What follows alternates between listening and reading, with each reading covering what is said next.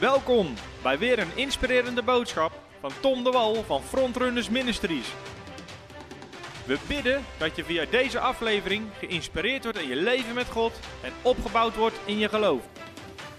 Dank u, Heer. Dank u, Heer. U bent groot. U bent zeer te prijzen. Oh, Heer, we verhogen uw naam op dit moment. We eren uw naam. We prijzen uw naam. Glorie aan de naam van de Heer. Glorie aan de naam van de Heer. U heeft een naam boven iedere andere naam. U heeft een naam boven elke overheid en macht en kracht en heerschappij. En elke naam die genoemd wordt. O, geprezen zij de naam van de Heer Jezus Christus. Glorie aan de Allerhoogste God. Dank u, Heer, voor uw Heilige Geest. Dank u dat u ons gedoopt hebt in uw Heilige Geest. Dank u dat u ons nooit zal verlaten. Dank u dat u altijd bij ons bent. Halleluja. Ebrelina chodiranda. O prakede ligina namanto. O. Geprezen zij de God die troont over deze hele aarde. Geprezen zij de Allerhoogste Heer. Niemand is aan u gelijk. Niemand is aan u gelijk, Heer. O bragele manda nesso tolanaide. Oh, glorie, glorie, glorie. Glorie, glorie, glorie. Glorie voor uw naam, Heer. Halleluja. Heilige Geest van God, we nodigen u ook uit vanavond om te komen. Een geest van wijsheid en openbaring in het kennen van u, Heer. Dat de ogen van ons hart verlicht zullen worden. Dat we openbaring zullen ontvangen om te zien, Heer, wat de hoop van uw roeping is. Wat de alles overtreffende kracht is die aan ons heeft gegeven. Wat de rijkdom is van de heerlijkheid van uw erfenis in de heilige. Heer, open onze geestelijke ogen vanavond, Heer. Geef ons een openbaring over geloof. Laat het woord nog dieper landen in onze geest, Heer. En dat we honderdvoudig vrucht zullen dragen. In de naam van de Heere Jezus Christus. Halleluja. Halleluja, halleluja, halleluja. Amen. Heet even iemand heen om je heen even welkom. Zeg wat goed om je hier te zien. Iedereen die online meekijkt, van harte welkom weer bij deze volgende les van de Faith School. Halleluja. Prijs de Heer. Voor iedereen die online kijkt, onze gebedslijnen zijn ook open. Als je gebed nodig hebt, je bediening nodig, onze ministry zitten klaar hier om voor je te bidden. Als je een nummer belt dat nu in beeld komt. Gedurende deze avond, tot half tien zijn onze gebedslijnen, of tot negen uur, tot hoe laat zijn ze open? Wie weet tot hoe laat onze gebedslijnen open zijn? Zo, is het half tien? 9 uur, dankjewel Marion. Tot 9 uur zijn ze open. Daarna word je in de wacht gezet tot volgende week dinsdag.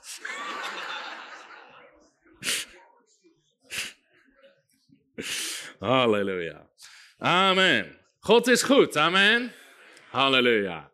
Wat hebben we een geweldige tijd tijdens deze Faith School. Ik geniet ervan om het onderwerp geloof te onderwijzen. En ik heb echt het idee dat we iedere week een stukje dieper graven en een stukje verder komen. Amen. En volgende week, vorige week tijdens de les had ik het idee, we zouden het drie weken lang elke keer kunnen hebben over alleen maar Hebreeën 11 vers 1. Dan hebben we nog niet alles eruit gepest wat erin zit. Amen. Er is zoveel te delen in het woord van God en ik wil je ook echt aanmoedigen om geen één les over te slaan. Zowel de mensen niet die online kijken als fysiek meedoen. Ook als je een les hebt gemist, zorg dat je hem terugkijkt. We zijn bezig echt met het bouwen van iets. En als je iets bouwt, bouw je... Ik heb de eerste les iets gezegd over de fundamenten en de componenten. Dus je hebt gewoon de grote blokken, als het ware, de fundamenten, de belangrijke grote waarheden. Maar je hebt ook de componenten, soms net de kleine dingen. Iets kleins, wat soms mensen missen. Daarom is het ook met onze Bijbelschool zo, dat ook online, dat mensen niet lessen over kunnen slaan. Want heel vaak denken mensen, oh, de fundamenten heb ik niet nodig. Maar weet je waar het altijd misgaat als een gebouw instort? Fundament. Amen. Het fundament. En daarnaast heb je de componenten. Soms in een preek zit één iets wat je pakt en wat je leven verandert. Soms één klein detail, iets bijsturen, ergens anders over gaan denken. Het is niet van niks dat de Bijbel zegt, het zijn soms de kleine vossen die de wijn gaat vernietigen. Het kan iets kleins zijn wat mensen moeten aanpassen in hun denken, in hun gedrag, wat uiteindelijk heel hun leven zal veranderen. Amen. En daarom ervaar ik ook gewoon, we moeten niet haasten. We moeten gewoon rustig door dit onderwijs heen gaan en iedere keer dieper en dieper graven. En misschien moeten we de faith school wel verlengen.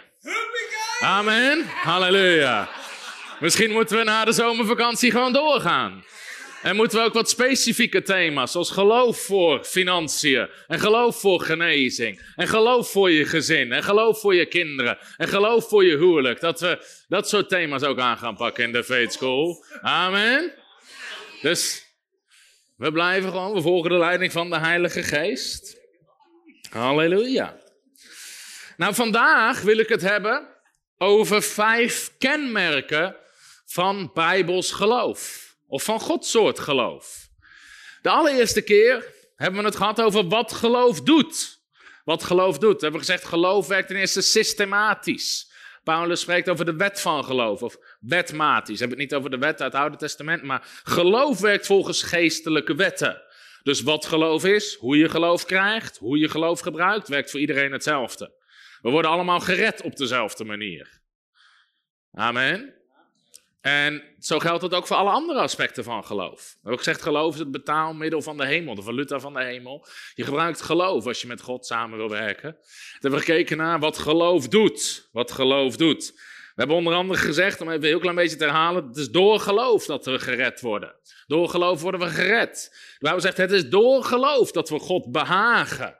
Dat, we, dat you please God, dat je hem wel behagelijk bent, dat je met hem samenwerkt. Het is door het geloof dat onze gebeden beantwoord worden.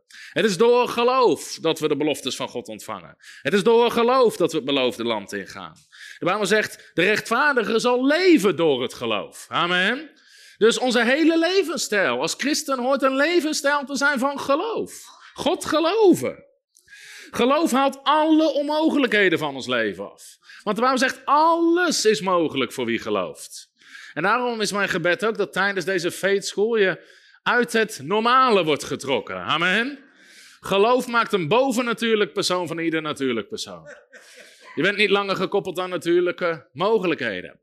Ik sprak laatst iemand, ik ga niet zijn naam noemen, ik heb niet zijn toestemming gevraagd, maar een bediening die nu heel Nederland kent, tot zegen is van heel Nederland. En hij belde mij, we hadden het over dingen en hij zei, ja, dat geloofsonderwijs. Hij zegt, het is zo belangrijk wat je nu geeft. Hij zegt, ik zat op een dag naar een preek over geloof te luisteren. En toen ontving ik de gave van geloof om te doen wat we nu doen. En onder zijn bediening gaan heel veel bijzondere deuren open waar ze voor anderen gesloten blijven. Maar hij zegt, het is niet door mij, het is door de gave van geloof die ik heb ontvangen toen ik een preek over geloof luisterde. En dat is ook mijn gebed, dat iedereen die dit online kijkt, iedereen die hier zit, dat de gave van geloof op je gaat komen. Voor jouw roeping in het koninkrijk van God. Amen. Dat we dingen boven natuurlijk gaan doen. Amen. Dat is de gave van geloof. Geloof geeft je overwinning over uitdagingen en problemen. Jezus zei nooit tegen iemand, voor waar, voor waar. Zo'n groot probleem heb ik nog nooit in Israël gevonden. Hij was nooit onder de indruk van problemen, maar was wel onder de indruk van geloof. Amen. Ik wil dat de Heer onder de indruk is van ons geloof. Halleluja. Geloof is een schild. De Bijbel spreekt over het schild van geloof, waarmee de duivel weer staat. En de Bijbel zegt, het is door geloof dat ze koninkrijken hebben overwonnen. Er is een geloof om landen te veranderen. Amen. En ik geloof dat Nederland veranderd gaat worden voor het koninkrijk van God en de heerlijkheid van God. Halleluja. We hebben het ook gehad over dingen die verward worden met geloof. Die ga ik nu niet allemaal herhalen, maar we hebben het gehad over dingen die verward worden met geloof. Omdat we willen weten, wat is Bijbels geloof? Daarom hebben we het de vorige keer gehad over Hebreeën 11 vers 1, Gods definitie van geloof. We hoeven zelf niet uit te vinden, te bedenken wat geloof is. God vertelt ons wat geloof is. God definieert zelf geloof. Het enige wat Bijbels onderwerp, wat ik weet, waarvan God zelf exact definieert wat het is. In Hebreeën 11 vers 1. En Hebreeën 11 vers 1 zegt, het geloof nu is de zekerheid van de dingen die we hopen en het bewijs van de dingen die we niet zien. Dat is Gods definitie van geloof. En ik heb de vorige keer zeven kernelementen gehaald uit die definitie van geloof. En ik wil ze heel kort samenvatten, maar ik wil je echt aanmoedigen om het terug te luisteren. Ten eerste, het begint met het geloof. Wat voor soort geloof? Het is geen menselijk geloof of werelds geloof. De wereld zegt je moet geloven in jezelf. Maar dat gaat je niet veel verder brengen. Je moet geloven in God. Amen. Het is Gods soort geloof waar Hebreeën 11 over spreekt. Geloof wat beloftes ontvangt. Geloof wat het bovennatuurlijke mogelijk maakt. Dat is het soort geloof waar we het over hebben. En dan zegt de baan, het geloof is nu de zekerheid van de dingen die men hoopt. Heel veel christenen verwarren hoop voor geloof. Ze denken dat ze geloof hebben, terwijl ze hoop hebben. En daarom is het belangrijk dat we weten wat het verschil is. Want we kunnen hoop niet aanbieden bij God als zijnde geloof. Hoop is belangrijk, want het geloof is de zekerheid van de dingen die we hopen. Dus je moet eerst iets hopen, Anders kun je geen geloof hebben. Maar het is nog geen geloof. Wat is het verschil? We hebben het gehad over menselijk geloof. Wat is menselijk geloof? Menselijk of menselijke hoop? Weet het niet zeker. Net zoals je ergens solliciteert, of je gaat naar de dokter, je hebt iets, en dan als iemand vraagt, kan de dokter het oplossen, zeg je nou, ik hoop het. Ik weet het niet zeker, gaan we straks achterkomen. Als we het zien, dan weten we het. Sommige mensen proberen op dezelfde manier te geloven. Ik geloof het pas als ik het zie. Nee, nee, nee, dat is geen geloof. Menselijke hoop, weet het niet zeker. Menselijke hoop is een afwachten, we moeten het maar zien. Dan heb je bijbelse hoop. Bijbelse hoop weet het zeker, maar het ligt op een onbekend moment in de toekomst. En dat is een verwachter. Dat is een verwachter, dat is bijbelse hoop, maar dat is geen geloof. Toevallig reageerde net vanavond nog iemand op een van onze video's. Hij ging niet hierover, want dan had hij de video niet geluisterd. Maar die zei, weet je, ik geloof dat God me ooit op een dag gaat genezen. Nee, dat is hoop. Ooit op een dag is geen geloof. Dat is hoop. En goddelijke hoop is een verwachter, maar geloof, weet het zeker, is de zekerheid. En is een ontvanger, is een beetpakker. Is niet een verwachter, is een beetpakker. Dat is wat geloof is. En dan zegt nou, het geloof nu is. We hebben het gehad over geloof is altijd tegenwoordige tijd. Het geloof nu is de zekerheid van de dingen. Voor jouw geloof is het al een zekerheid. Nu al, ondanks dat je nog niet ziet. Het geloof nu is de zekerheid van de dingen. En dan spreekt wel over die zekerheid, over die vaste grond. Je bent absoluut verzekerd dat je krijgt wat je hoopt. Je weet het al zeker, dat je krijgt wat je hoopt. Van de dingen, zegt de Bijbel. Van de dingen. Je kan God geloven voor allerlei dingen. Amen. Sommige mensen zeggen, is dat Bijbels geloof? Het gaat over dingen. Ja, dat is Bijbels geloof. Dat gaat over dingen. Alle dingen zijn mogelijk voor wie gelooft. Amen. En het bewijs van de dingen die we nog niet zien. Dus je bent ervan overtuigd, je bent convicted, je bent veroordeeld als het ware. Ze kunnen het met een honkbalknuppel nog niet uit je slaan. Iets wat nog niet te zien is, maar jij weet het zeker. Het bewijs van de dingen die nog niet te zien zijn. Die nog niet te zien zijn. Nou, daar zouden we heel veel over kunnen zeggen. En vanavond wil ik verder gaan over een aantal kenmerken van het Bijbelse geloof. Dat was een definitie van Bijbels geloof, maar er is meer te zeggen over Bijbels geloof. En ik ga weer even een beetje het whiteboard gebruiken. Ik weet niet of deze boodschap van mijn vrouw komt of van iemand anders. Misschien was het een profetisch woord van de Heer, net zoals met uh, het boek Daniel, met een, met een hand op de muur geschreven. Vijf kenmerken van Bijbels geloof. Ik teken eventjes op mijn allerbest een mooi poppetje. Voor de mensen die niet konden zien wat het was, leg ik het alvast uit. Vijf kenmerken van bijbels geloof, of van echt geloof. En je mag met me meegaan naar Romeinen hoofdstuk 10. En ik wil je aanmoedigen om alle teksten op te zoeken. En heeft wel aantekeningen te maken.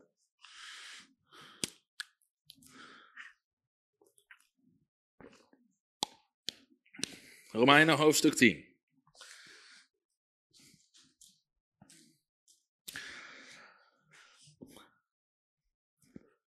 Romeinen hoofdstuk 10 en we gaan lezen vanaf vers 9. Als je het gevonden hebt, zeg je prijs de Heer. Als je het nog niet gevonden hebt, zeg je wacht even. Zie je de rechterhoek hier voor mij? Voor de kijkers links. Ze hebben het, halleluja. Romeinen 10 vers 9. Als u met de mond, als u met uw mond de Heer Jezus beleidt en met uw hart gelooft dat God hem uit de doden heeft opgewekt, zult u zalig worden. Vers 10. Want met het hart gelooft men. Met het hart gelooft men tot gerechtigheid. En met de mond beleidt men tot zaligheid. Het eerste kenmerk van Bijbels geloof, waar ik vanavond diepste eigenlijk als het ware op in wil gaan, is echt geloof, is vanuit je hart. Echt geloof, Bijbels geloof, Godsoort geloof, functioneert vanuit het hart. De Engelse vertaling zegt faith is the substance. Het is een substantie. En substantie betekent ook, het materie, het is materiaal. Net zoals dat je papier hebt, je plastic, hebt, dat is substantie in de natuurlijke wereld. Maar geloof is substantie in de geestelijke wereld. Het is tastbaar, voelbaar, reëel in de geestelijke wereld. Maar waar zit dat geloof volgens de Bijbel? Het zit in ons hart. In ons hart. Nou, dat betekent dus, geloof zit niet in je ziel, om het zo maar even te zeggen. De Bijbel leert ons dat de mens bestaat Uit geest, ziel en lichaam. Ik teken hier eventjes zijn ziel in de vorm van het brein. Ik ga er zo meteen iets meer over uitleggen. Maar als de Bijbel zegt met het hart gelooft men, waar heeft de Bijbel het dan over? Je mag even met me meegaan naar Romeinen hoofdstuk 2. We zitten nu in Romeinen 10, dus even een paar hoofdstukken terug. Romeinen hoofdstuk 2. Want daar zien we wat hier bedoeld wordt met het hart. En een andere tekst die ik daarna ga voorlezen, die hoef je niet op te zoeken, is 1 Petrus hoofdstuk 3.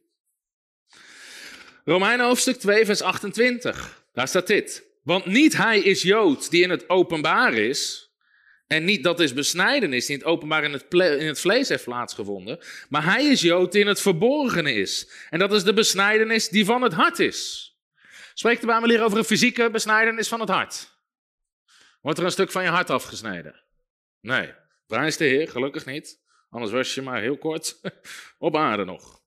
Nee, dat is de besnijdenis die van het hart is naar de geest. Naar de geest. Zegt het dan. En 1 Petrus 3, vers 4 zegt het volgende. Maar uw sieraad moet zijn de verborgen mens van het hart. Met het onvergankelijke sieraad van een zachtmoedige en stille geest. Dus als de Bijbel spreekt over geloven met je hart, of als de Bijbel spreekt over je hart, bedoelt het niet jouw fysieke hart wat bloed door je lichaam heen pompt. Je kan God niet geloven met je lichaam. Dat is gewoon een natuurlijk lichaamsdeel. Net zoals dat je God niet kan geloven met je darmen, je lever of je grote teen. Dat is niet waarmee je gelooft. Dus als de Bijbel spreekt over met het hart gelooft men, waar hebben we het dan over? Dan, dan bedoelt het onze geest. De geestelijke mens. Die teken ik even zo. Omdat de Bijbel spreekt over de geest, over het meest innerlijke wezen van iemand. Het meest innerlijke wezen. Nou, waarom is dat belangrijk? Omdat geloof is dus vanuit je hart, niet vanuit je ziel. Wat zit in je ziel? Ik heb even een aantal kleurtjes hier. Ah, zwart moet ik hebben. Wat zit in je ziel? Je ziel, zou je kunnen zeggen, is je natuurlijke mens. Of je ziel is waarmee je in de natuurlijke wereld functioneert. Daarvoor heb je je ziel. Een mens bestaat uit geest, ziel en lichaam. Jouw ziel is je verstand. Is je verstand. Maar ook je emotie. Je wil. Je karakter. Je kennis. Al die dingen is allemaal je natuurlijke mens. Dat heb je nodig om deze natuurlijke wereld te functioneren. Dat zit verbonden aan je natuurlijke zintuigen. Ik teken er even twee ogen overeind, wordt een beetje een raar poppetje. Ik zal er ook even twee oren aan tekenen, maar... Dat is vanuit je ziel. Je ziet mensen, je hoort mensen, je praat met mensen, het komt binnen in je verstand. Je verstand stuurt het, stuurt de rest van je lichaam aan. Dat is je ziel. Maar je gelooft niet met je ziel. Jouw geloof is niet gebaseerd op je ziel. Je geloof is niet gebaseerd op je gevoel. Soms zeggen mensen, broeder, bid voor mij, ik voel me. Ik voel me. Het gaat niet om wat je voelt. Je wandelt blijkbaar naar je gevoel. Als je je niet goed voelt, heb je gebed nodig. Voel je je goed, is halleluja, prijs de Heer. Dat is wandelen naar je gevoel. Maar de Bijbel zegt, we wandelen door geloof. Amen. Niet door aanschouwen, niet door ons gevoel. Dus geloof functioneert niet vanuit je ziel. Nou, als het gaat om effectief geloof, een tekst die we al een aantal keer hebben gelezen, Marcus 11, vers 23. Maar er zit altijd meer in dan we denken. In Marcus 11, vers 23 zegt Jezus, want voorwaar ik zeg u, wie tegen deze berg zal zeggen, wordt opgegeven in de zee geworpen en niet zal twijfelen in zijn hart. Die niet zal twijfelen in zijn hart, maar zal geloven dat wat hij zegt gebeuren zal. Het zal gebeuren wat hij zegt. Dus Jezus leert, er kan ook twijfel zitten in je geest. In je geest. Maar dat is niet wat we willen. We willen geloven. Deze teksten leren ons hetzelfde. Geloof is een geestelijke kracht. Net zoals twijfel ook een geestelijke kracht kan zijn.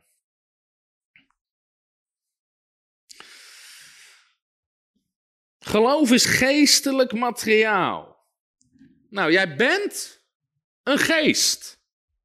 Jij bent een geest. Jij hebt een ziel en je woont in een lichaam. Dat is de waarheid. Jouw lichaam, jouw aardpak, als het ware, dat ben jij niet. Dat laat je op een dag hierachter. Maar jij blijft niet hierachter op aarde. Jij bent een geest. Je hebt een ziel en je woont in een lichaam. Dat is de waarheid. Dus Paulus zegt bijvoorbeeld, in het Engels zegt hij, I keep my body under. Ik, ik onderwerp mijn lichaam, zegt hij in 1 Korinthe 9. In andere woorden, hij is niet zijn lichaam, hij disciplineert zijn lichaam om de wil van God te doen. Dus hij onderwerpt zijn lichaam aan zijn geest. Hetzelfde met je ziel. Daarom zegt de Bijbel Romeinen 12, je moet je denken vernieuwen. Je moet je denken vernieuwen, dat spreekt over je ziel. Sommige mensen zeggen, je moet oppassen voor die frontrunners, dan proberen ze je te hersenspoelen. Ja, je hersens moeten gespoeld worden. Dat ontkennen we niet, dat geven we gewoon toe. Wij proberen mensen te hersenspoelen met het woord van God. En dat is een goede zaak. Want mensen moeten hun hersens laten spoelen door het woord van God. Amen. Je hersens moeten gespoeld worden. Zeg eens tegen je buurman of je buurvrouw, jouw hersens moeten gespoeld worden.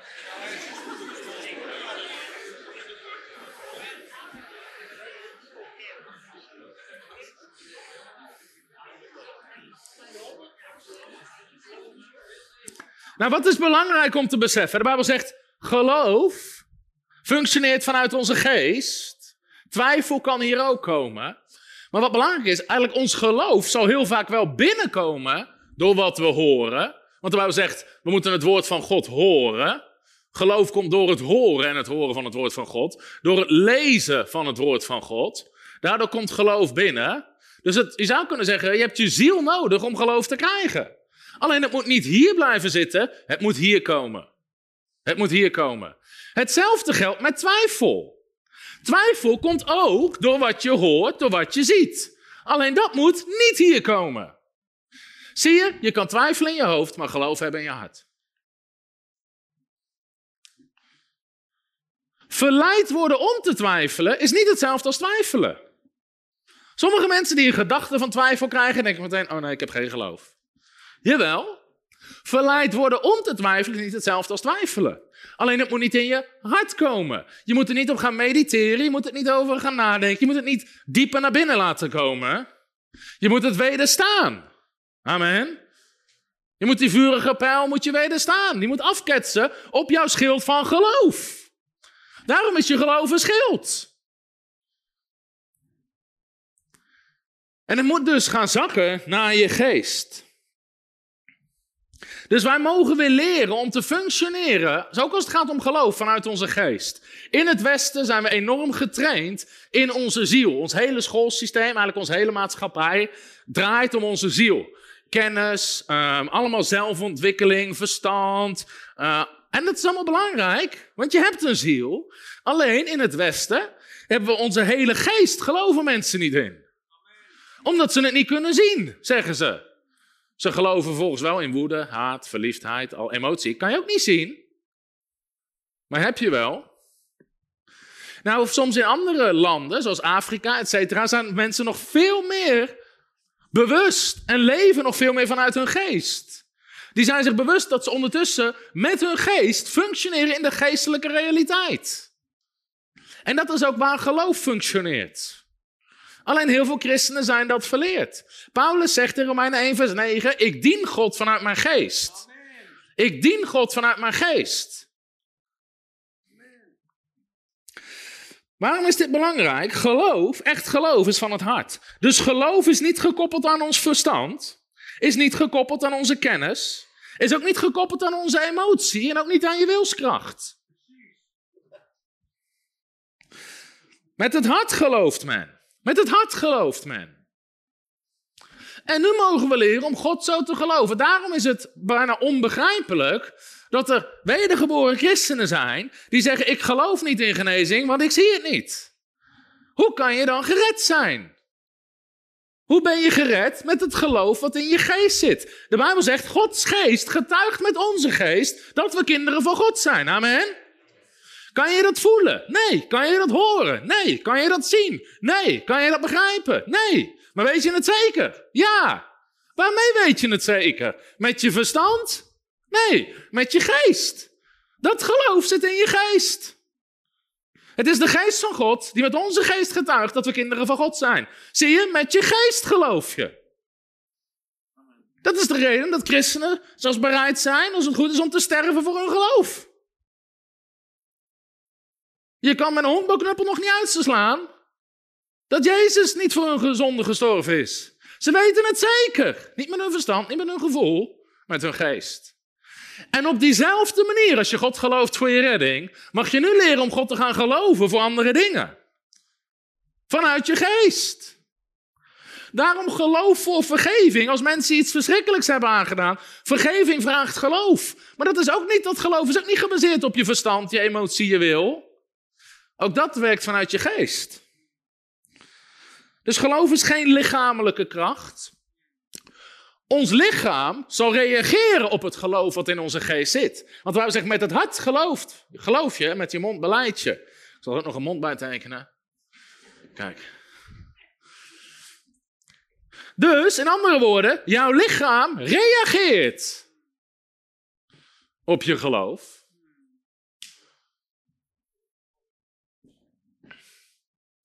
Alleen het is niet iets lichamelijks, dus je kan het niet omdraaien. Ons handelen zal reageren op ons geloof. Alleen je kan het niet omdraaien. Soms zeggen mensen: Ik had echt geloof, want ik zei dit en dit. Nee, nee, nee, dan draai je het om. Dan draai je het om. Jouw lichaam zal reageren op je geloof, maar we mogen leren om te functioneren vanuit onze geest. Mensen kunnen ook dingen zeggen uit emotie of uit hun verstand. Dus het feit dat je Gods woord proclameert, betekent niet dat je het gelooft met je hart en dat je gelooft wat je zegt gebeuren zal. En wij mogen ook leren om te zorgen dat in onze geest alleen geloof zit en niet twijfel. Want als er twijfel zit, gebeurt niet waar je voor gelooft. Dus dat verklaart waarom mensen zeggen, ja, maar ik had echt geloof. Maar het is niet gebeurd. Je had misschien echt geloof, maar tegelijkertijd twijfelde je. En dat is een kracht die ook in je geest kan zitten. Dus ja, die mensen hadden echt geloof. Alleen ondertussen zat er ook twijfel. Daarom gaan we ook een avond behandelen over het afrekenen met ongeloof en met twijfel. Nou, ons geloof moet altijd groeien. De Bijbel vergelijkt het woord van God met zaad. Met zaad. De gelijkenis van de zaaier. Je zaait het woord van God. Dit wordt geplant in je geest en het groeit op. Dat geloof begint te groeien. Daarom zegt de Bijbel, geloof komt. Dus zelfs als mensen zeggen, ja, maar ik heb nu geen geloof, waar ik je ook wel een keer ga aantonen dat dat niet waar is. Je hebt geloof. Je moet het alleen laten groeien. En zelfs als je denkt dat je het niet hebt, maakt niet uit, want het kan komen. Amen. Als je het begint te zaaien in je geest. En we moeten dus begrijpen dat geloof is een geestelijke substantie. Dus ondanks dat je erover, daarom vaak als ik zou vragen gedurende zo'n avond, hoeveel voelen dat je geloof groeit terwijl je hier zit, al tijdens deze faith school? Hoeveel geloven dat? Ja, je voelt dat in je geest. Je voelt dat in je geest. Geloof is een geestelijke substantie. Alleen je kan geloof ook niet altijd helemaal uitleggen met natuurlijke woorden, want het is een geestelijke substantie. We proberen het. Dat maakt het soms lastig om geestelijke dingen goed uit te leggen. Net zoals de zalving. Wie heeft wel eens gehoord van de term de zalving? De zalving spreekt over de kracht van God of de bekwaamheid van de Heilige Geest. Wat in een samenkomst kan zijn of zelfs op een persoon. God zalft mensen. God geeft zijn bovennatuurlijke bekwaamheid om iets te doen. In het Engels is er een gezegde: The anointing cannot be taught, it has to be caught. De, eh, de zalving kan je niet eigenlijk onder, kan niet begrepen worden, die moet gegrepen worden, om het zo maar te zeggen. Je zou 50 uur onderwijs kunnen geven over de zalving, over de Heilige Geest. Al die dingen kan je uitleggen, maar mensen moeten het niet pakken met, met hun verstand, ze moeten het pakken in hun geest. En dan zie je ook, soms heb je Twee aanbiddingsleiders. Ze kunnen precies hetzelfde nummer zingen, op dezelfde gitaar, maar de een heeft de zalving en er gebeurt iets in de geestelijke wereld en harten worden geraakt en, worden, en de ander heeft het niet. Die is bezig vanuit zijn verstand. In het natuurlijke lijkt het hetzelfde, maar in de geest zit er iets heel anders achter. Wie heeft die video langs zien komen afgelopen week van die Afrikaanse vrouw die op de straat stond uh, aan, aanbidden? What a wonderful name it is. Ze stond uh, ze stond een aanbiddingsnummer te zingen in de eentje met een microfoon, met een box op de straat, met een kind op de rug. Ik zei, zie, zie je wel Fem, je hebt geen oppas nodig als je aanbidding wil leiden.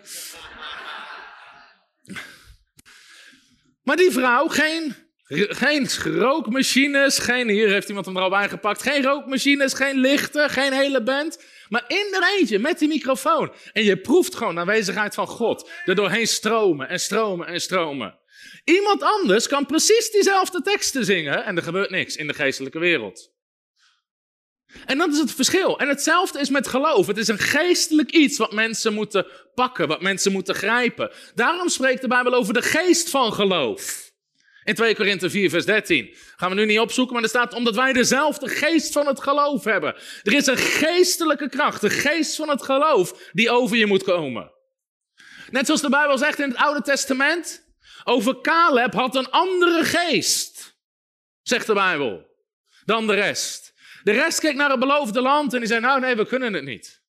Maar Caleb had een andere geest, had een geest van geloof. En hij zei, we kan het wel. Hij zag hetzelfde, hoorde hetzelfde, maar hij functioneerde vanuit de geest van het geloof. Amen. En ik bid dat er een geest van geloof op jouw leven komt. Amen. Dat je zal functioneren vanuit de geest van geloof. Dus geloof is een geestelijke kracht. En daarom hoeven we ook niet te verwachten dat mensen naar één preek of twee preken of zelfs niet naar tien preken. Helemaal pakken wat geloof is. Ik heb zoveel honderden preken gehoord over geloof. Er zijn zelfs bepaalde preken over geloof. En diezelfde preek heb ik al twintig keer gehoord. En iedere keer dat ik het hoor, is het weer boem. Komt weer binnen en weer binnen. Omdat je niet bezig bent met je verstand. Zodra mensen zeggen, dat weet ik al, weet ik dat ze het niet begrepen hebben als het gaat over het woord van God. Want als je het echt begrepen hebt, maakt je niet uit hoe vaak je het hoort en hoort en hoort en hoort. Want dan ben je bezig met je verstand. Sommige preken luister ik twintig keer, dertig keer en iedere keer voed je je geest en voed je je geest en voed je je geest. Dus met het hart gelooft men. Die begint er een beetje te begrijpen wat het betekent om met je hart te geloven. Amen. Met je geest geloof je. Dus we hoeven niet te verwachten dat mensen in één keer pakken. De Bijbel noemt ons schapen en schapen zijn hekkauwers. Het is niet erg om meerdere keren te kauwen en te kauwen en te kauwen. We hadden een student op onze bijbelschool. Volgde twee jaar lang onze Bijbelschool, zat in onze teams, kwam naar iedere dienst, had al het onderwijs over geloof gehoord. Leefde gewoon oprecht, vol vuur voor de Heer. En op een zondag zat hij in de gemeente en ik sprak ook in die gemeente. En ik sprak over Matthäus 15, over de Canaanese vrouw die naar Jezus rende omdat haar dochtertje bezeten was door een demon. En in het begin zegt ze, Heere, help, mijn dochter is ernstig bezeten. En je kent het verhaal. En Jezus negeert haar eerst en toch draait het hele verhaal om en doet Jezus een wonder voor haar. En ik legde uit waarom stopte Jezus met haar te negeren. Waarom kwam Jezus tot in actie? Omdat die vrouw, die, in het begin komt ze met de nood. Heer, mijn dochter is ernstig bezeten. Ze, ze probeert God te benaderen met haar nood. Maar God komt niet in actie op basis van nood. God komt in actie op basis van geloof. Dus ze probeerde haar nood aan te bieden bij Jezus. Heere, help mij, Heere, ernstig, Heere, help, help, nood, nood, nood. En dan zegt Jezus, het is niet goed om het brood van de kinderen te nemen en aan de honden te geven. En dan stopt die vrouw over haar nood. En wat biedt ze dan aan? Haar geloof. Want ze zegt, Heer, één kruimel is genoeg. Ze stopt over de nood, ze kwam met de geloof. En Jezus zegt, vrouw, groot is uw geloof. Het zal gebeuren zoals u wilt. Dus ik sprak die dienst over het feit, je benadert God niet met je nood, je benadert God met je geloof. En die dienst, die, die man, die al twee jaar lang, tweeënhalf jaar lang onder ons onderwijs zat, hij kwam naar de dienst naar voren rennen, hij pakte me beet en zegt, nu snap ik het, nu snap ik het, nu snap ik het, nu snap ik het. Je gaat niet naar God met je nood, je gaat naar God met je geloven. We moeten geloven. En je moet geloven, hij snapt het, halleluja. Maar hij snapte het niet met zijn snapper, hij snapte het met zijn gelover. niet met zijn snapper, maar met zijn klapper. Dat zou een titel zijn voor een preek. Niet met je snappen, maar met je klapper. Nou, mijn punt is, die man zat twee jaar lang onder het woord.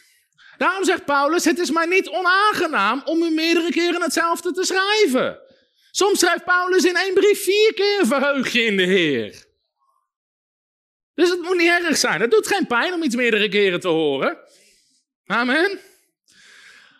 Als mensen tegen mijn geestelijke vader, Jan Sjoerd Pasterkamp, zeiden, die preek heb ik al gehoord, zei hij, dat mag je nooit zeggen. Je moet zeggen, de Heer wilde dat ik hem nog een keer hoorde.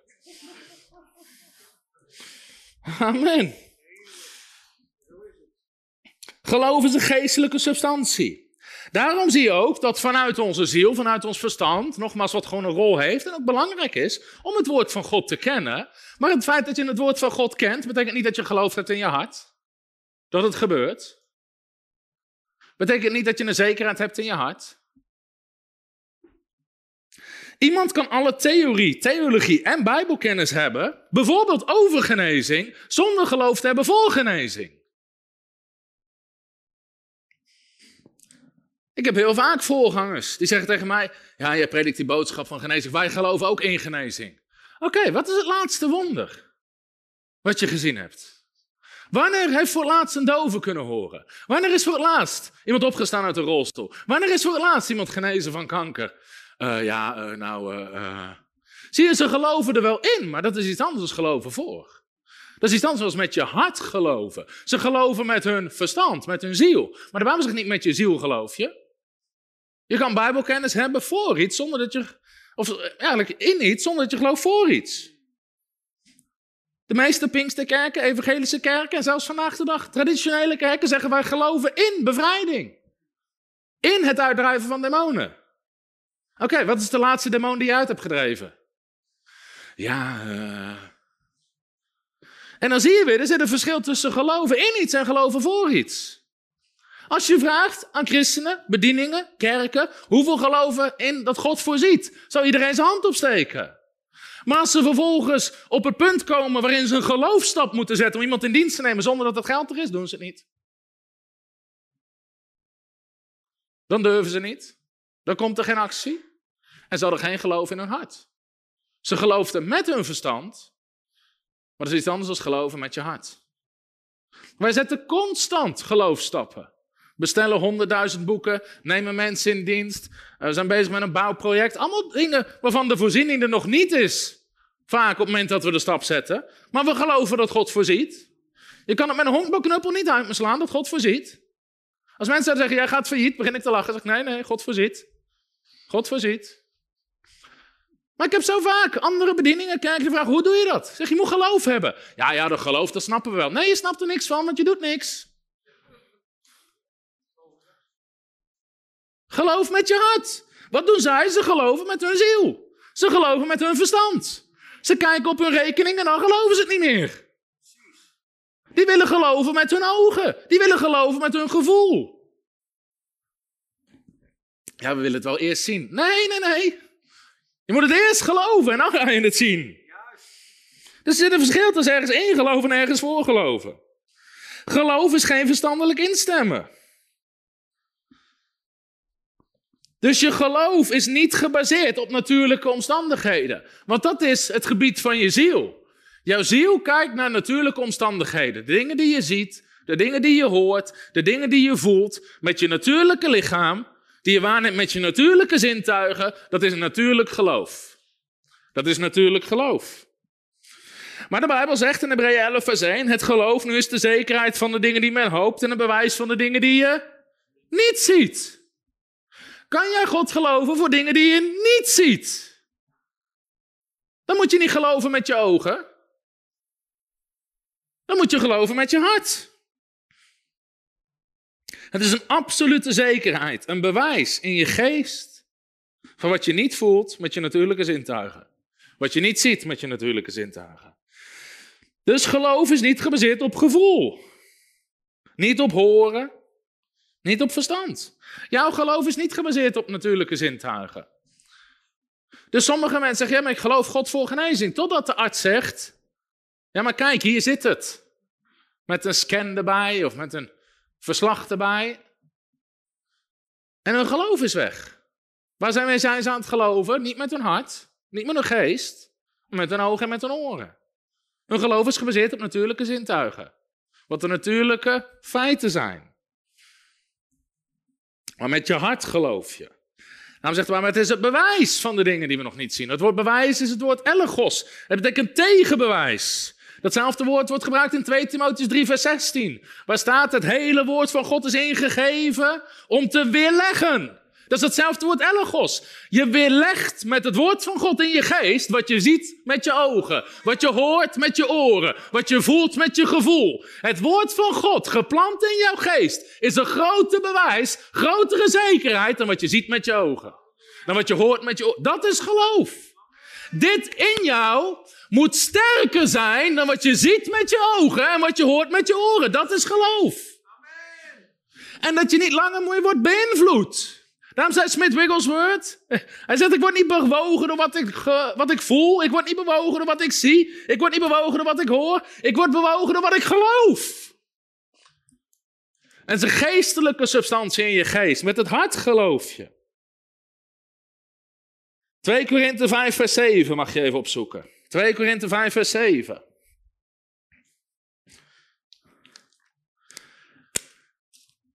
Dit is al een preek tot nu toe waar je tien keer op kan kouwen. Halleluja.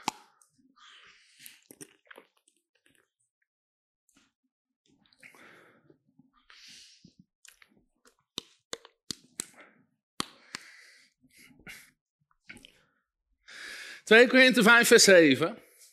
Hij zegt Paulus dit. Want wij wandelen door geloof. Niet door aanschouwen. Niet door aanschouwen. De Engelse zegt, we walk by faith, not by sight. Niet door, je zou kunnen zeggen, niet door natuurlijke zintuigen. Niet door je gevoel. Je wandelt door geloof. Nou, het probleem is vaak in onze maatschappij, zelfs onder christenen, dat ze meer geloven wat hun ogen zien en wat hun oren horen dan wat het woord van God zegt. En daarom moet je op het punt komen dat je gelooft dat Gods woord de absolute waarheid is. Ongeacht wat jij hoort, ongeacht wat jij ziet, ongeacht wat jij voelt. Het woord van God is de waarheid. Amen. Gods woord is de waarheid. En het staat boven wat jij ziet, boven wat jij voelt, boven wat jij denkt, boven wat jij hoort. Halleluja. Geloof wat God zegt. Niet wat je ogen zeggen. Niet wat je gevoel zegt. Niet wat je verstand zegt. Op de Fate School van vorige week reageerde iemand in de reacties. Die zei: Ja, dit, dit hele onderwijs over geloof en door zijn streamen ben je genezen. Als dat dan waar is, waarom is die en die, noem de naam van een bekende prediker, waarom is die en die dan ziek? Dat is een hele bekende vraag, krijg je heel vaak. Als dit dan waar is, waarom is die en die dan ziek? Het probleem is, zij geloven meer in wat ze zien met hun ogen dan wat ze lezen in het woord van God. Ze betwijfelen of het woord van God waar is, omdat ze iets zien met hun ogen. Het zou andersom moeten zijn. Je moet betwijfelen wat je ziet in die persoon zijn leven, omdat je ziet dat het woord van God waar is. Wat jij ziet in iemands leven is totaal niet relevant. Want het woord van God is de waarheid. Er staat niet dat die persoon de waarheid is. Het woord van God is de waarheid.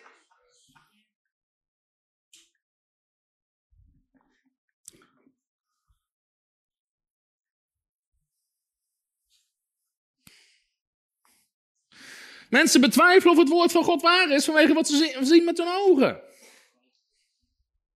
Je moet betwijfelen wat je ziet, omdat je ziet dat het woord van God waarheid is. Geloof het woord. Maar wat doen die mensen? Die geloven niet met hun hart, die geloven met hun logica. Die geloven met hun verstand, die geloven met hun ogen. Maar we wandelen door geloof en niet door aanschouwen. Dus wat probeert de duivel altijd? Die probeert christenen te verleiden naar het gevoelsgebied. Naar het gevoelsgebied. Nou, als mensen zeggen, maar ik ben hypergevoelig. Nee, ik ben hypergelovig. Waarom? Ik ben een geest en ik heb een ziel. En mijn ziel is onderworpen aan mijn wedergeboren geest.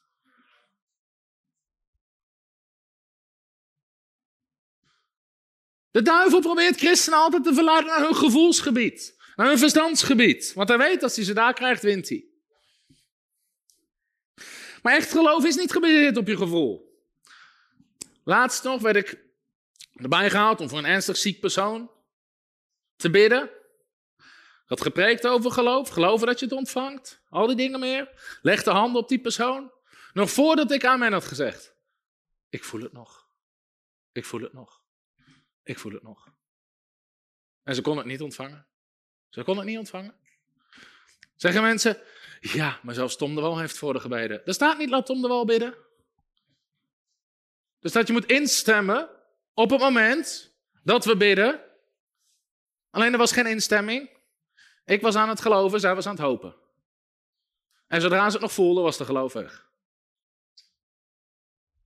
En heel veel christenen wandelen naar hun gevoel. Je ziet dat soms ook in genezingsdiensten. Mensen zijn niet aan het geloven, ze zijn aan het voelen. Ze zijn gewoon aan het voelen. Want ze denken, als ik voel dat het weg is, is het weg. Maar het is andersom. Je moet geloven dat het weg is. Voordat je gaat voelen dat het weg is. Dus stop met voelen en begin te geloven. Stop met wandelen naar je gevoel. Broeder, bid voor mij, ik voel me. Weet je, als ik zou wandelen naar mijn gevoel, zou ik ook af en toe gebed vragen. Zou ik zelf onze gebedslijn gaan bellen? Maar ik wandel niet naar mijn gevoel. Denk je als ze soms in het buitenland 25 diensten doen in vijf dagen? Dat ik s'morgens als ik wakker word, me voel dat ik zin heb in nog vijf diensten die dag, van morgens vroeg tot s avonds laat, uren preken. Nee, maar ik wandel niet naar mijn gevoel, halleluja. Als ik zou wandelen naar mijn gevoel, zou ik ook in mijn bed blijven liggen. Maar ik wandel niet naar mijn gevoel, ik wandel naar mijn geloof. Catherine Kuhlman zei: Geloven is wanneer je stopt te geloven wat je ziet en je gaat zien wat je gelooft. Vond ik een mooie uitspraak. Geloven is wanneer je stopt te geloven wat je ziet en gaat zien wat je gelooft. Geloof is wanneer je stopt te geloven wat je ziet en gaat zien wat je gelooft. Dus ik geloof niet wat mijn natuurlijke ogen zeggen. Ik zeg niet dat dat er niet is. Ik ga zo meteen misschien nog wel iets zeggen over het verschil tussen geloven en ontkennen. Maar ik geloof dat mijn substantie, mijn geloof heeft de kracht om het te veranderen. Ik geloof niet wat mijn ogen zien. Ik geloof het woord van God. Dus, wie waren de zondagmiddag? Waren er mensen die in de bevrijdingsdienst waren? Een aantal mensen die waren in de bevrijdingsdienst. En waren voor mensen aan het bidden, demonen aan het uitdrijven. En ik liep, ik liep hier in dit gangpad. En een keer keek ik links en ik zag een jongetje zitten, 7, 8 jaar, in een rolstoel. En ik had hem niet gezien tijdens de preek of tijdens de aanbidding. Dus ik vroeg, wat is er aan de hand? En zijn moeder zei, hij heeft een botziekte. Zijn benen staan krom, zijn benen zijn niet gelijk, hij heeft enorm veel pijn. En hij zit in een rolstoel. En, dus ik haalde hem naar voren. En ik vroeg, waarom ben je hier? En zijn moeder zei, hij zei, ik moet naar Tom de Wal toe. Ik moet naar Tom de Wal toe. Als hij voor me bidt, genees ik. En dus het jongetje we halen hem naar voren toe. Zalf hem met olie, we zetten hem op een stoel. En dan is de vraag, geloof je wat je ziet? Daarom moet je leren om te geloven met je hart. Omdat wat je in het begin... Als ik in het begin voor mensen moest bidden in een rolstoel, was mijn geloof al weg voordat ik begonnen was met bidden. Dat is eerlijk. Want wat je ziet maakt zo'n indruk op je. Je ziet iemand in een rolstoel die niet kan lopen, die eruit getild moet worden. En zolang je nog aan het geloven bent met je zintuigen, gaat het niet werken. Je moet geloven met je hart. En geloof is wanneer je stopt te geloven wat je ziet en gaat zien wat je gelooft. Dus nu is geloof de zekerheid. Ik heb niet alleen hoop dat hij op gaat staan uit die rolstoel. Ik weet zeker dat hij op gaat staan. En het is een bewijs van nog niet te zien is. Hij zit nog in een rolstoel, hij heeft nog pijn, zijn natuurlijke feiten. Geloof ontkent geen natuurlijke feiten. Je zegt niet dat is niet zo, dat is niet zo, dat is wel zo. Alleen je hebt de kracht, de geestelijke substantie om het te veranderen.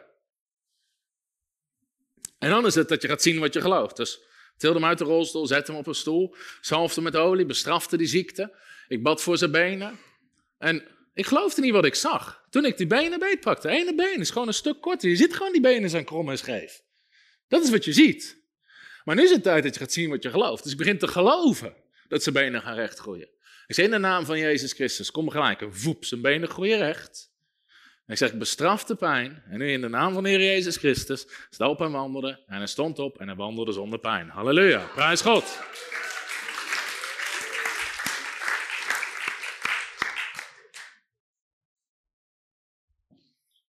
En daarom kunnen we groeien in geloof. Omdat wat we zien, wat we voelen, zul je zien of wat we horen,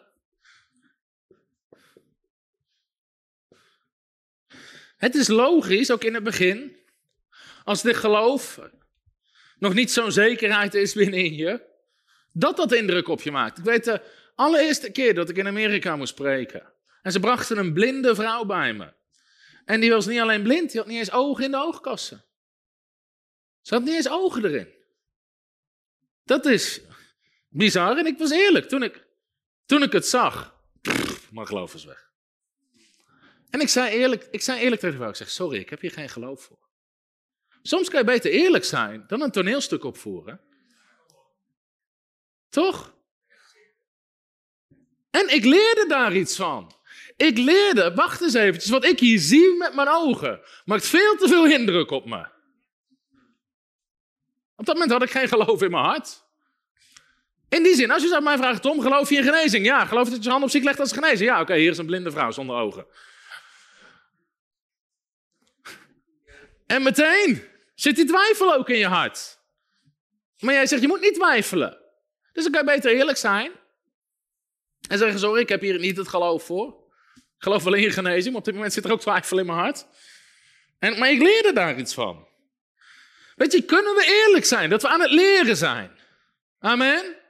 Dat is, we zijn allemaal aan het leren, we zijn allemaal onderweg. Ook de discipelen van Jezus, op een gegeven moment die maanzieke jongen. Ze konden hem niet genezen. En ze zeiden, Heer, hoe komt dat toch? Nou, vandaag de dag hebben mensen allerlei redenen. Ach, het was niet de wil van de Heer. God had een ander plan. Jij zegt nee, vanwege jullie ongeloof. Vanwege jullie ongeloof. Jezus was gewoon eerlijk met ze. En ze moesten iets gaan leren. Dus Matthäus 17 staat dat verhaal. Dus, daarom is het in het begin, ik had op straat dat ik heel veel wonderen. Ook in het ziekenhuis, maar op een gegeven moment in genezingsdiensten staan er in één keer 200 man naar je te kijken. En een camera op je gezicht en je bent live. En in het begin beïnvloedt dat je. Want er staan in één keer een paar honderd man mee te kijken. Ik dacht, ik wil achter in de zaal zitten. Dan denken mensen vaak, oh die moet per se vriend zijn. Nee, ik zit met alle liefde helemaal achterin te kijken hoe jij het doet. Geen probleem. Laat me weten wanneer je wil wisselen. Zetten we jou voor een zaal met 200 mensen die bevrijding van demonen nodig hebben. Met alle liefde en plezier.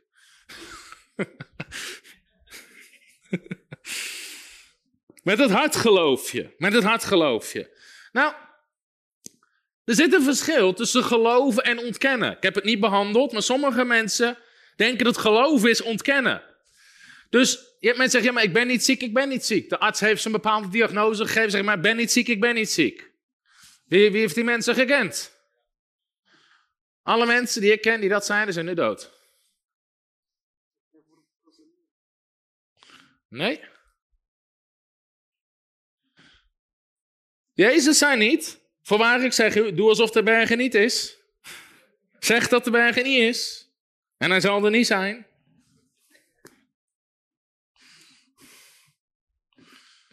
Dat is geen geloof, dat is struisvogelpolitiek. Geloof ontkent niet natuurlijke feiten. Geloof heeft de kracht om het te veranderen. En je geloof is niet gebaseerd op wat je ziet. Je geloof is niet gebaseerd op die natuurlijke feiten. De Bijbel zegt over God dat Hij de dingen die niet zijn, roept alsof ze zijn. Dus wat er niet is, God begint te spreken alsof het er is.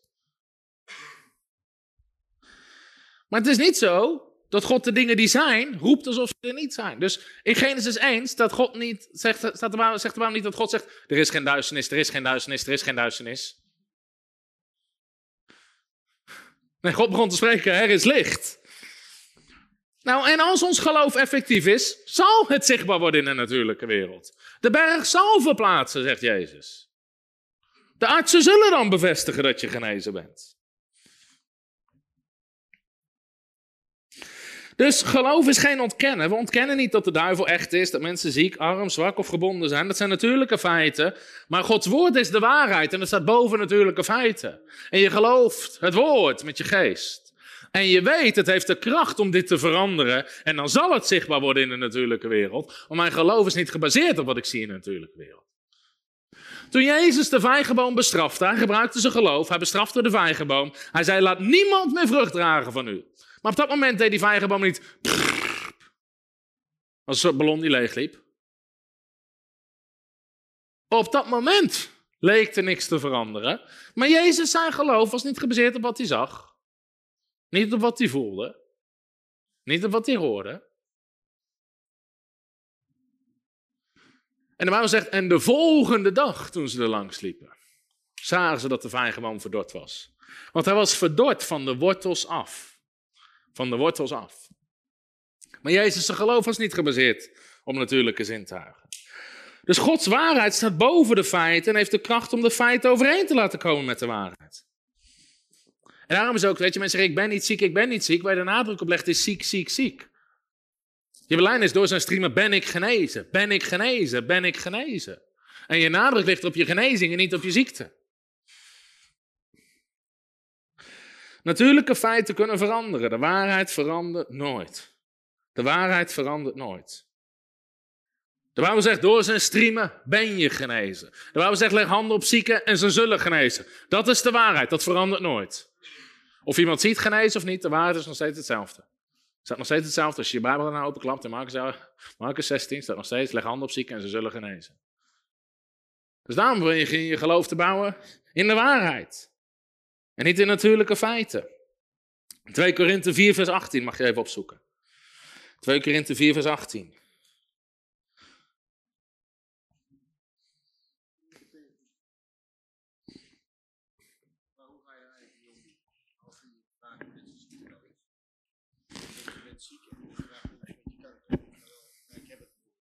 Ik krijg nu wat vragen over hoe ga je ermee om. Ik heb trouwens in mijn boek, uh, Woorden van Geloof, ligt achterin ook, heb ik een heel hoofdstuk hoe je hiermee omgaat. Dus daarmee leg ik uit hoe je ermee omgaat. Ik wil misschien aan het einde van vanavond, ik weet niet of we tijd hebben, ook wat vragen beantwoorden. Maar daarom is het goed dat we stap door stap door die faith school heen gaan. En dat elke keer vallen er meer puzzelstukjes op zijn plek. Amen. 2 Korinthe 4 vers 18. Wij houden onze ogen immers niet gericht op de dingen die men ziet. Maar op de dingen die men niet ziet. En andere woorden, op geestelijke dingen, op de geestelijke waarheid. Want de dingen die we zien, die zijn tijdelijk. Halleluja.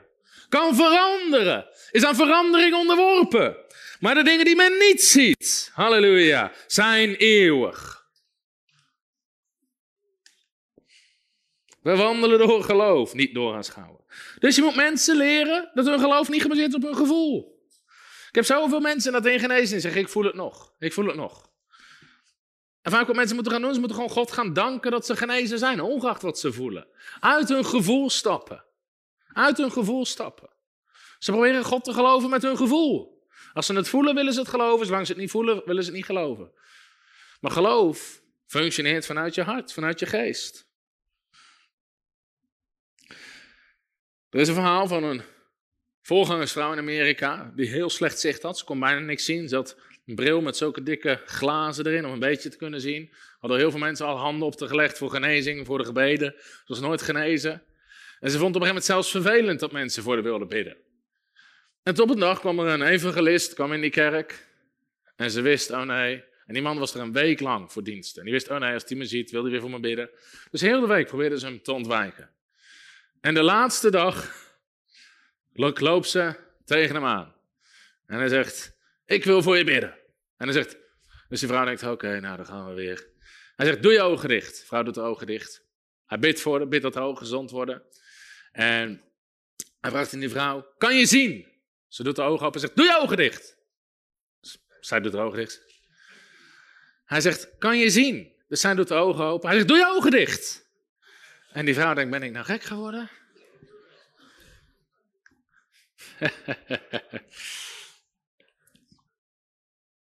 Hij zei, ik heb je niet gevraagd om je ogen te openen. Ik heb je gevraagd of je weer kan zien. En toen snapte die vrouw wat hij bedoelde. Dus ze deed haar ogen dicht. En ze begon voor zich te zien hoe ze weer kon zien. En totdat ze zeker wist dat ze kon zien, voordat ze ogen opende. Hij zegt, kan je zien? Ze zei, ja, ik kan zien. En ze doe je ogen open. En ze zag volledig. Halleluja. Daarom zijn ogen vaak een van de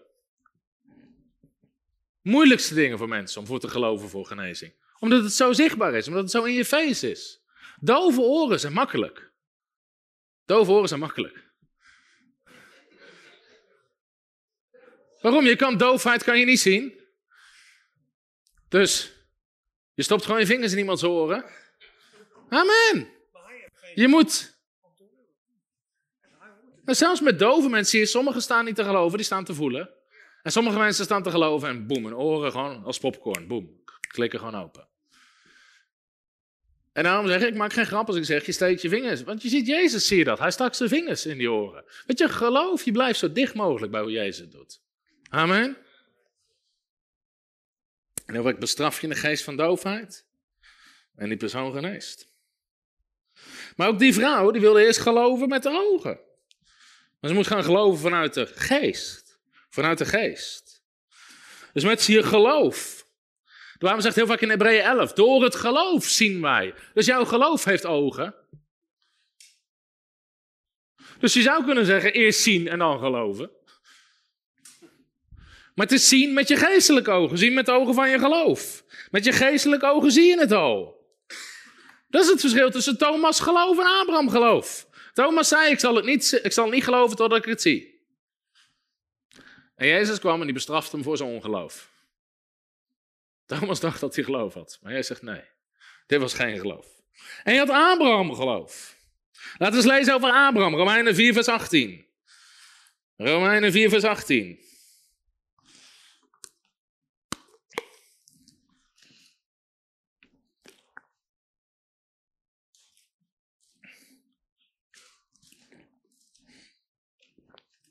En hier heb je ook een antwoord op geloof is niet ontkennen. Romeinen 4 spreekt over de belofte die God gaf aan Abraham. Toen Abraham al voorbij de leeftijd was om kinderen te krijgen. En God sprak tot hem. God zei: Ik zal je een nageslacht geven. En je kan lezen in het Oude Testament dat ook Abraham had in het begin moeite om het te geloven.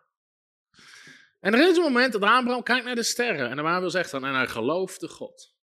Hij geloofde God. En het werd hem tot gerechtigheid gerekend. Romeinen 4, vers 18.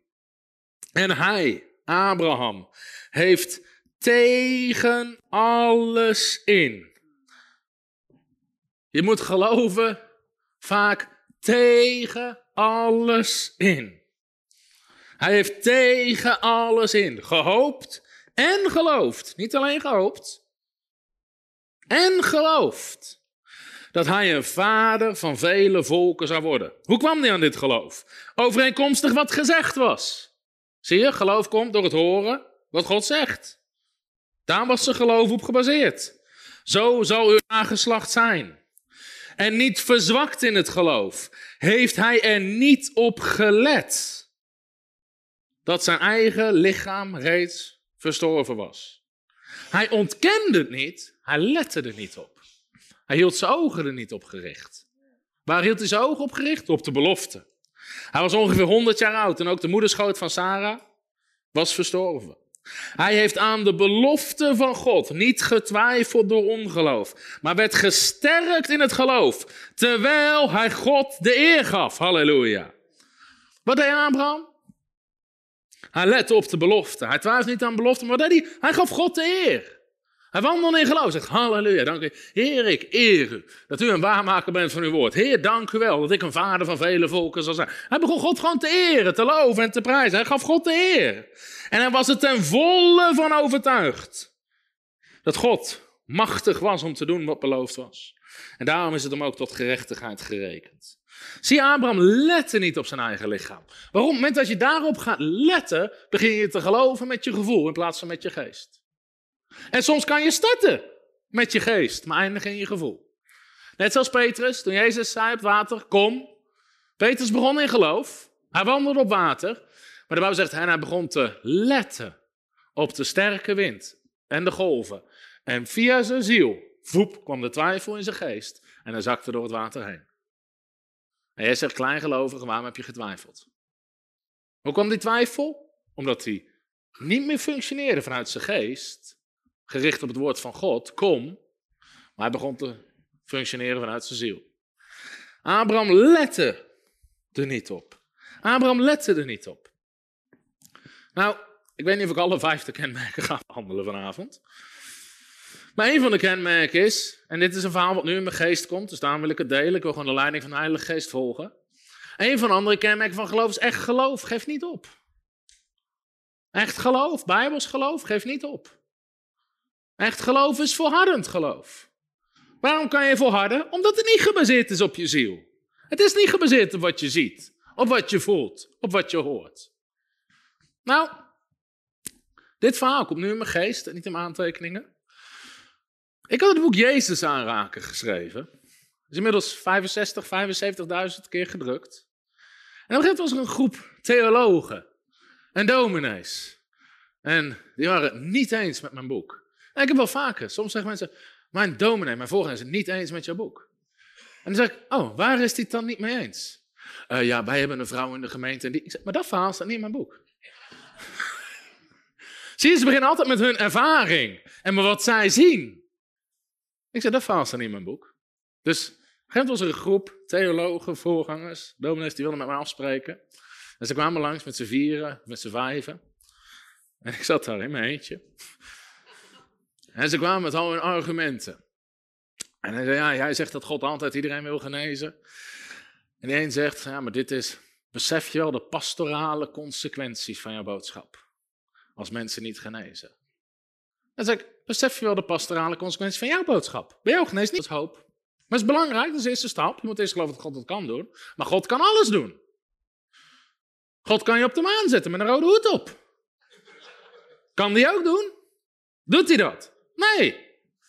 Dus de eerste stap is God kan het doen.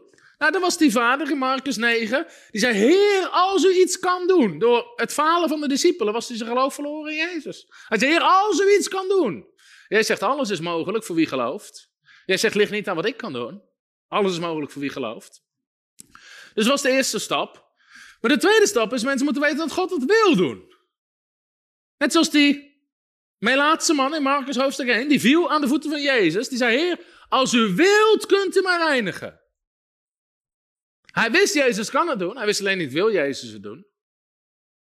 Daar gaat het ook vaak mis met genezing. Iedereen gelooft dat God kan genezen, christenen. Alleen ze weten niet of God wil genezen. En Jezus hoeft er niet te bidden, niet te vast. Hij zegt, ik wil het. Ik wil het.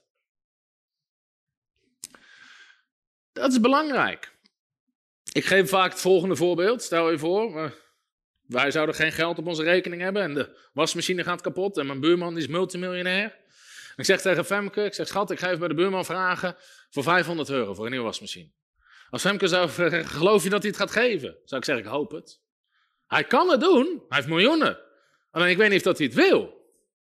Maar stel je voor dat die buurman een goede vriend zou zijn. Zeg, joh Thomas, ooit aan de hand, is je geld nodig? Laat maar weten, ik geef het je, al is het 10.000 euro. Als dan maar wasmachine kapot zou gaan, ik zeg, schat, ik geef naar de buren, en 500 euro vragen. Ik vraag, geloof je dat hij het geeft? Zeg ik, ja, ik weet het zeker. Waarom? Ik weet niet alleen dat hij het kan doen, ik, wil dat hij het, ik weet dat hij het wil doen. En daarom zeg ik altijd, geloof begint waar de wil van God bekend is. Geloof begint waar de wil van God bekend is.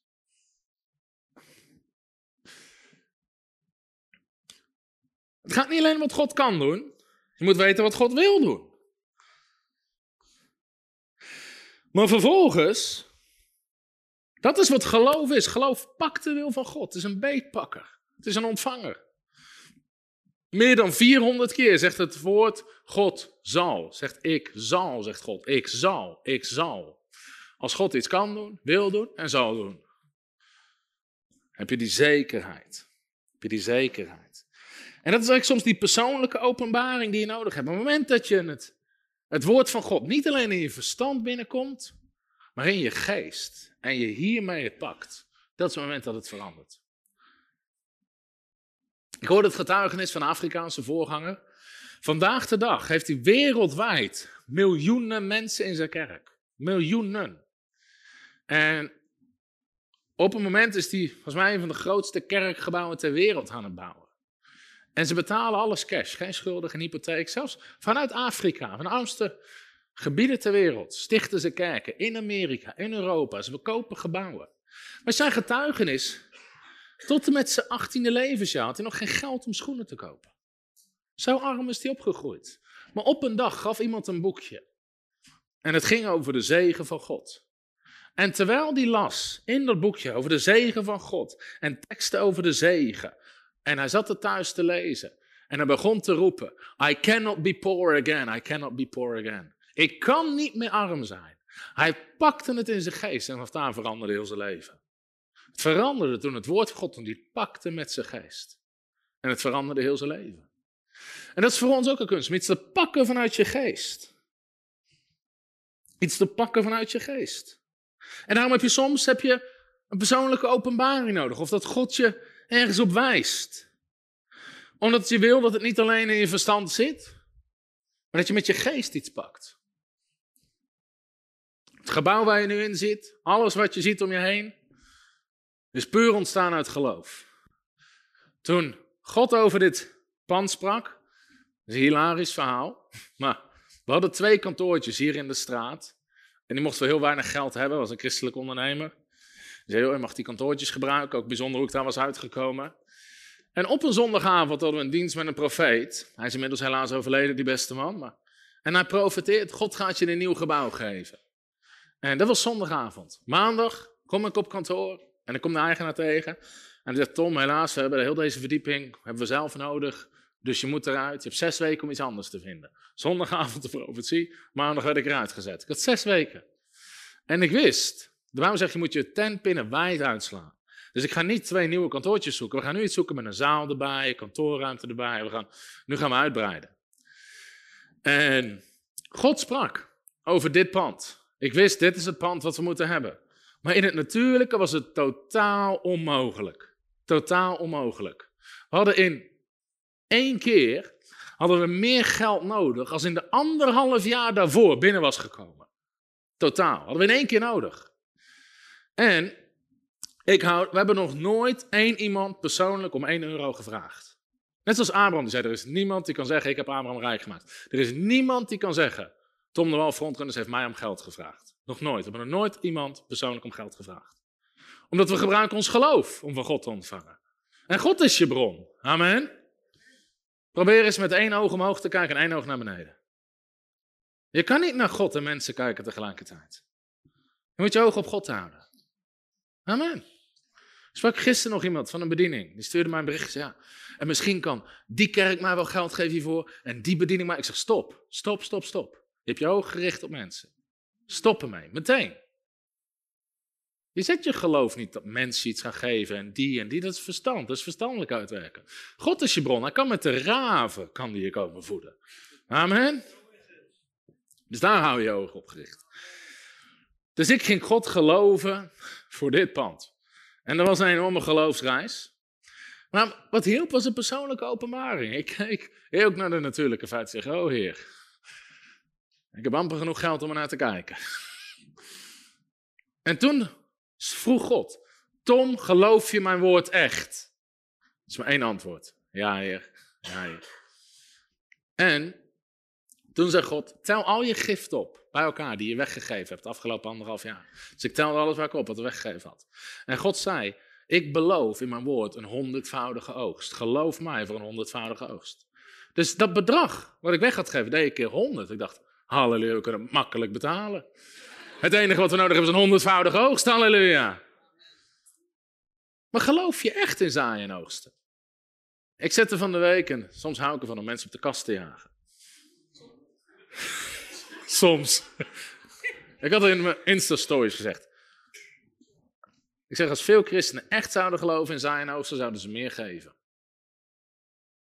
Amen. In het natuurlijke, ik heb nu ik heb geen portemonnee, maar als ik zou ook 50 euro omhoog houden, dan zou ik zeggen, wie wil dit ruilen voor 20? Staat iedereen vooraan. Maar in de geestelijke wereld werkt het precies hetzelfde. Dus ik ging God geloven, een honderdvoudige oogst. En een honderdvoudige oogst kwam binnen. En boven natuurlijk, nooit je ogen gericht houden op mensen. Op een gegeven moment kwam ik had mijn handtekening gezet onder een contract. Ik had dat geld nog niet, maar dat is geloof. Geloof is de zekerheid van de dingen die je hoopt. Een bewijs van wat je nog niet ziet. Daarom ben ik blij dat we geen oudste raad hadden. Uh, ik weet niet of dat wel wijs is. Jezus zei tegen niemand, heb wijsheid. Hij zei, heb geloof. Dus daar heb ik ook een stukje van op Instagram gezet. Oh, heerlijk, al die reacties. Maar je moet wel wijsheid hebben. De Bijbel spreekt over wijsheid. Ik weet wat de Bijbel zegt. Maar geloof, halleluja, is de kracht die van God ontvangt. Dus ik ben blij dat we geen oudste raad hadden die zei, dat is geen wijsheid. En uh, op een dag sprak ik en het kwam steeds dichterbij, sprak ik in een dienst van 30, 35 mensen. Daarom moet je je ogen nooit gericht houden op mensen.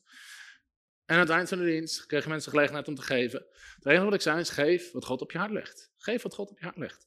Die dienst met 30 mensen zat er 35.000 euro in het offer. 35.000 euro in het offer. En dat was, ik had nog nooit zoveel nullen gezien op een machtigingskaart. Ik was blij dat er twee getallen voor stonden. Halleluja.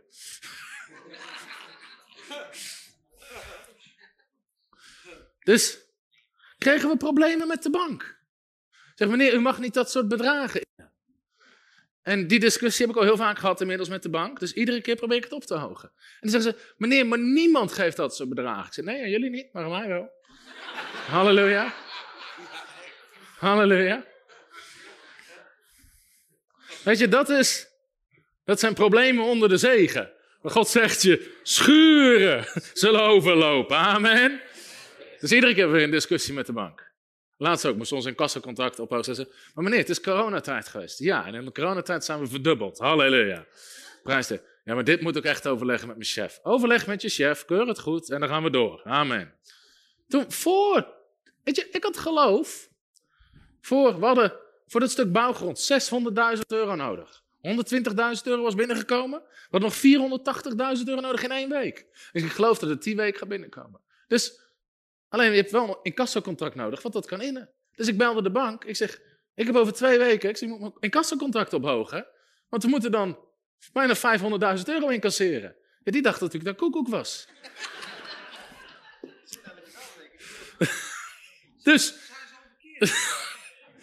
dus die meneer maar hier heb ik nog nooit van gehoord, meneer. Dit is niet normaal. Ik zeg, nee, het is ook niet normaal.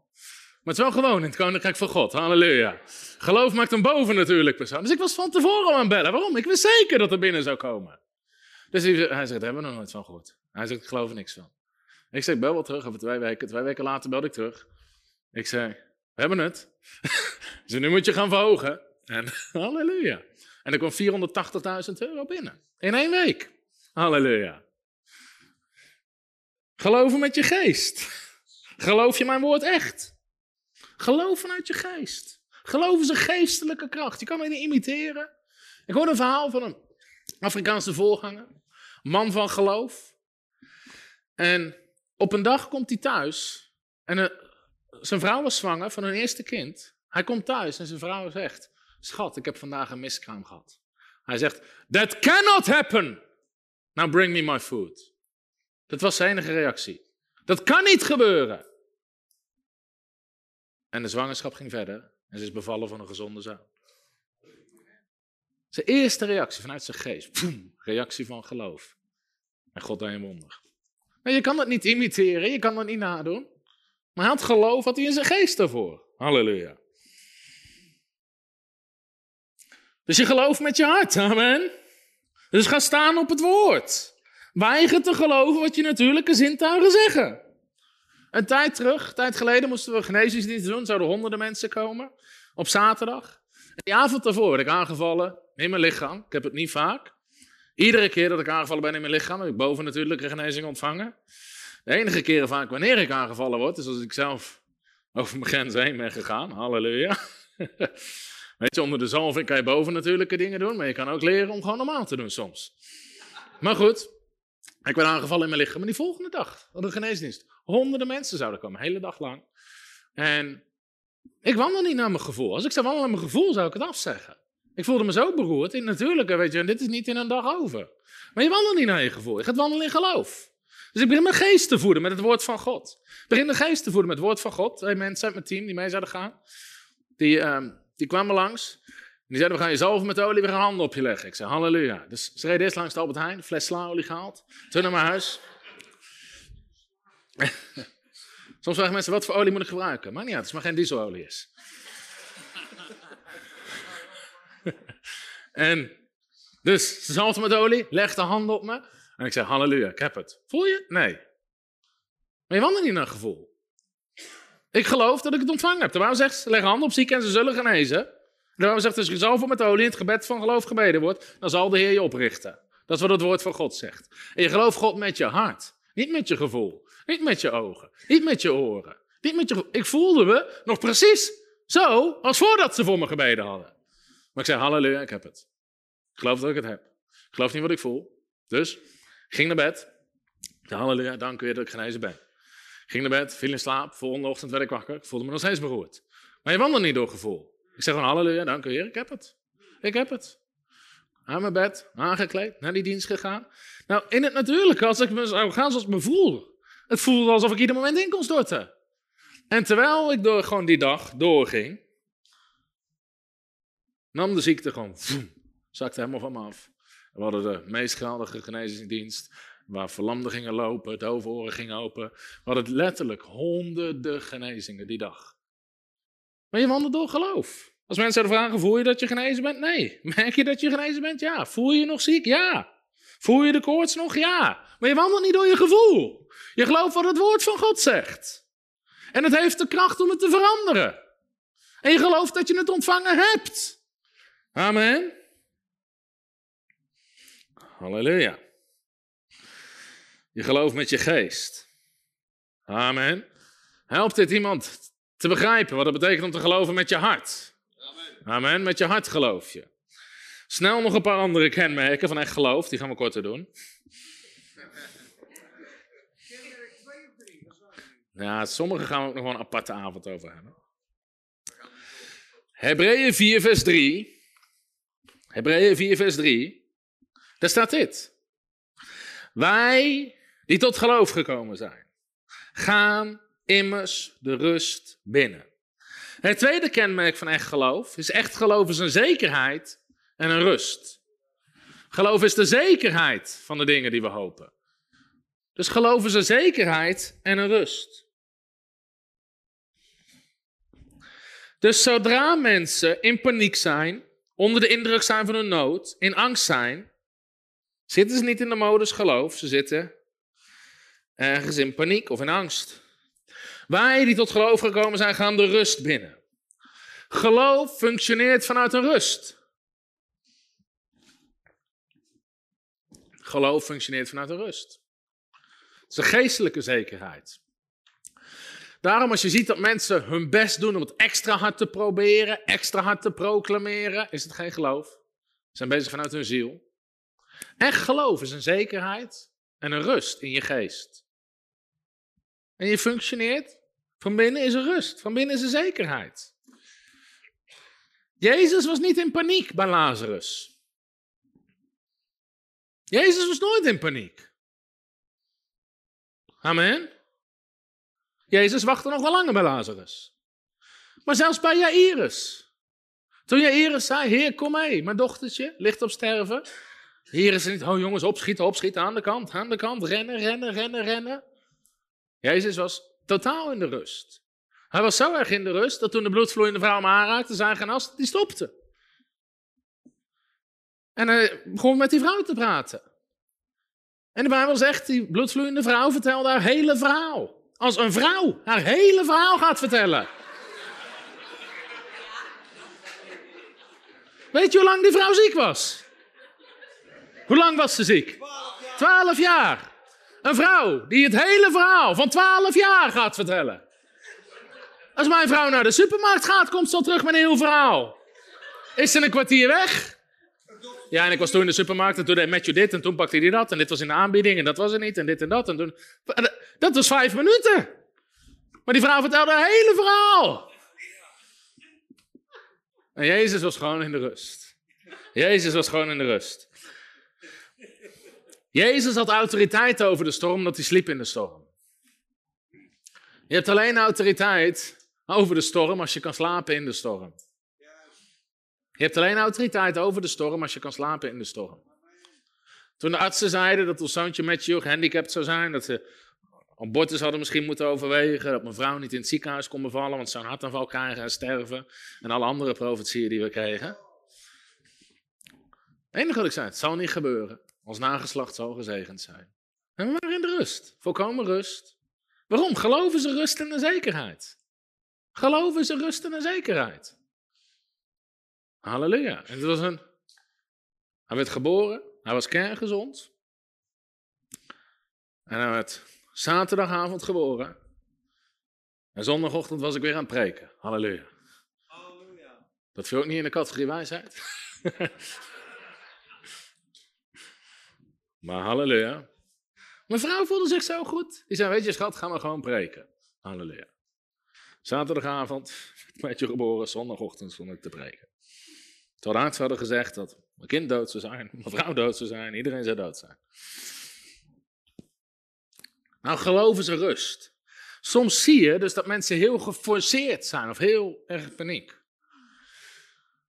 Een tijdje geleden werd ik bij iemand geroepen, de persoon had ook een ernstige ziekte. En die zei, maar die staat echt in geloof, die staat echt in geloof. Ik ging samen met iemand anders. En terwijl ik daar thuis zat, kom ik erachter, dit is helemaal geen geloof. Je proeft gewoon hoe geforceerd proberen geloofstaal en al die dingen meer. Maar ergens merk je gewoon de angst, de paniek. Het is veel meer het overschreeuwen van iets. Sommige mensen overschreeuwen iets. Maar echt geloven ze rust en een zekerheid. Dus mensen zeggen, ik ben niet ziek, ik ben niet ziek. Het zijn gewoon leugens, die ligt, de arts ligt, dit ligt, dat ligt. Het chemoapparaat ligt, alles ligt. En ze proberen iets te overschreeuwen. Een bepaalde angst. Bepaalde angst, wat soms mensen ook de noemer geloof geven. Maar in werkelijkheid is het soms angst.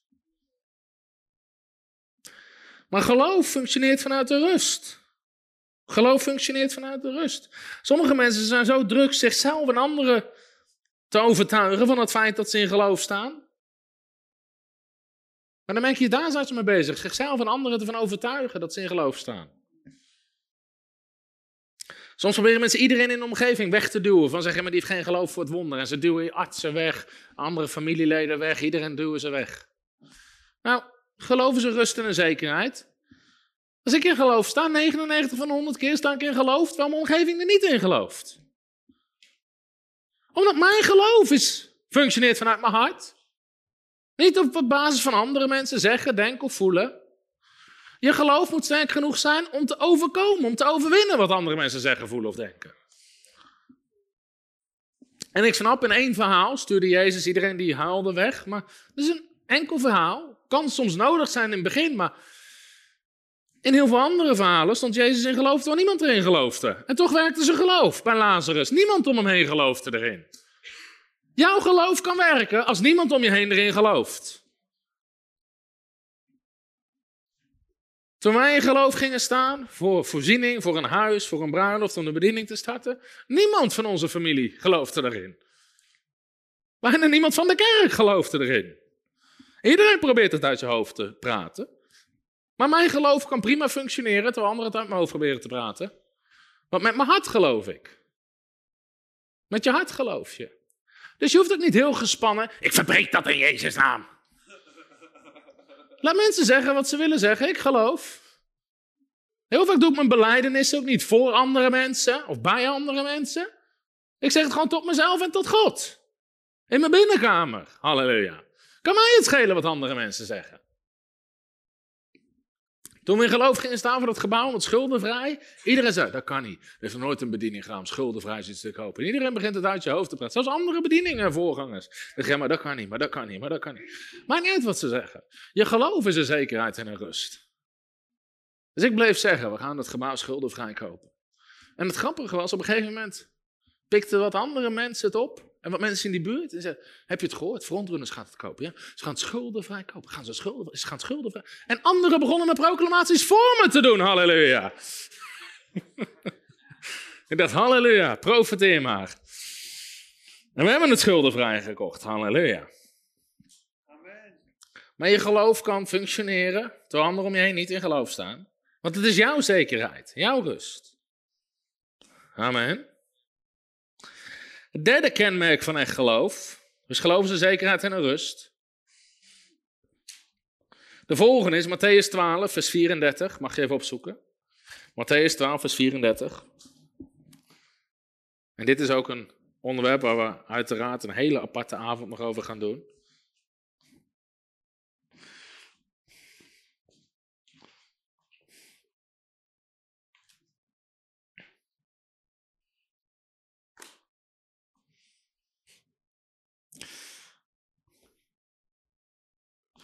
Matthäus 12, vanaf vers 34, als je het gevonden hebt, zeg je prijs de Heer.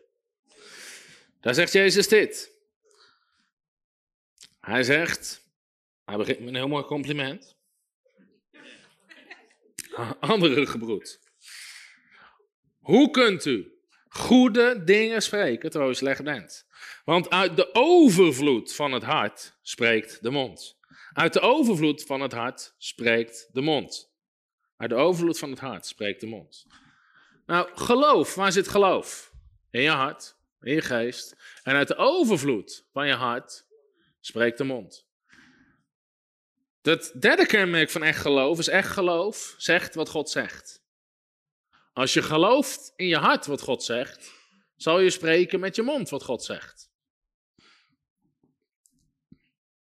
En zolang mensen nog niet zeggen wat God zegt, zit er blijkbaar nog geen geloof in je hart. Want uit de overvloed van je hart spreekt de mond. Daarom zijn Romeinen 10, met het hart geloof men en met je mond beleid je. Zit altijd aan elkaar gekoppeld. Jouw gelover en je spreker zit aan elkaar gekoppeld. Je hebt een gelover en een spreker. En die zitten aan elkaar gekoppeld. Daarom zei Jezus in Marcus 11, vers 23, heb geloof. Want voorwaar ik zeg u, wie tegen deze berg zal zeggen. Als je geloof hebt, begin je altijd te zeggen. Wordt opgegeven in de zee geworpen en niet zal twijfelen in zijn hart, maar zal geloven dat wat hij zegt gebeuren zal. Het zal gebeuren wat hij zegt. Dus jouw gelover en jouw spreken zitten elkaar gekoppeld. Dus soms zeggen mensen dat ze geloof hebben, maar als je vervolgens luistert naar wat ze zeggen, hebben ze helemaal geen geloof. Dus een keer hoorde ik van iemand die iets van een ongeluk gehad en liep bij de fysio en allerlei dingen. En iedereen zei, maar die persoon staat echt in geloof voor genezing. Die persoon, is niet gebeurd, maar hij staat echt in geloof voor genezing. En op een gegeven moment die persoon wilde met mij afspreken. En ik zei, wanneer kan je afspreken? Hij zei, nou, ik moet nog wel zes maanden revalideren. Ik moet nog wel zes maanden revalideren, dus of komende zes maanden kan ik niet. Maar ik sta echt in geloof voor genezing. Dus mensen kunnen zeggen dat ze geloof hebben. Maar vervolgens als je luistert naar wat ze zeggen met hun mond, verwachten ze gewoon precies dat wat de arts zegt, wat gebeuren zal. In plaats van dat wat zij zeggen gebeuren zal. Dus dan is het vaak een uiterlijk kenmerk. Maar daarom is het zo belangrijk. Ga eens mee naar 2 Korinthe 4, vers 13. 2 Korinthe hoofdstuk 4, vers 13.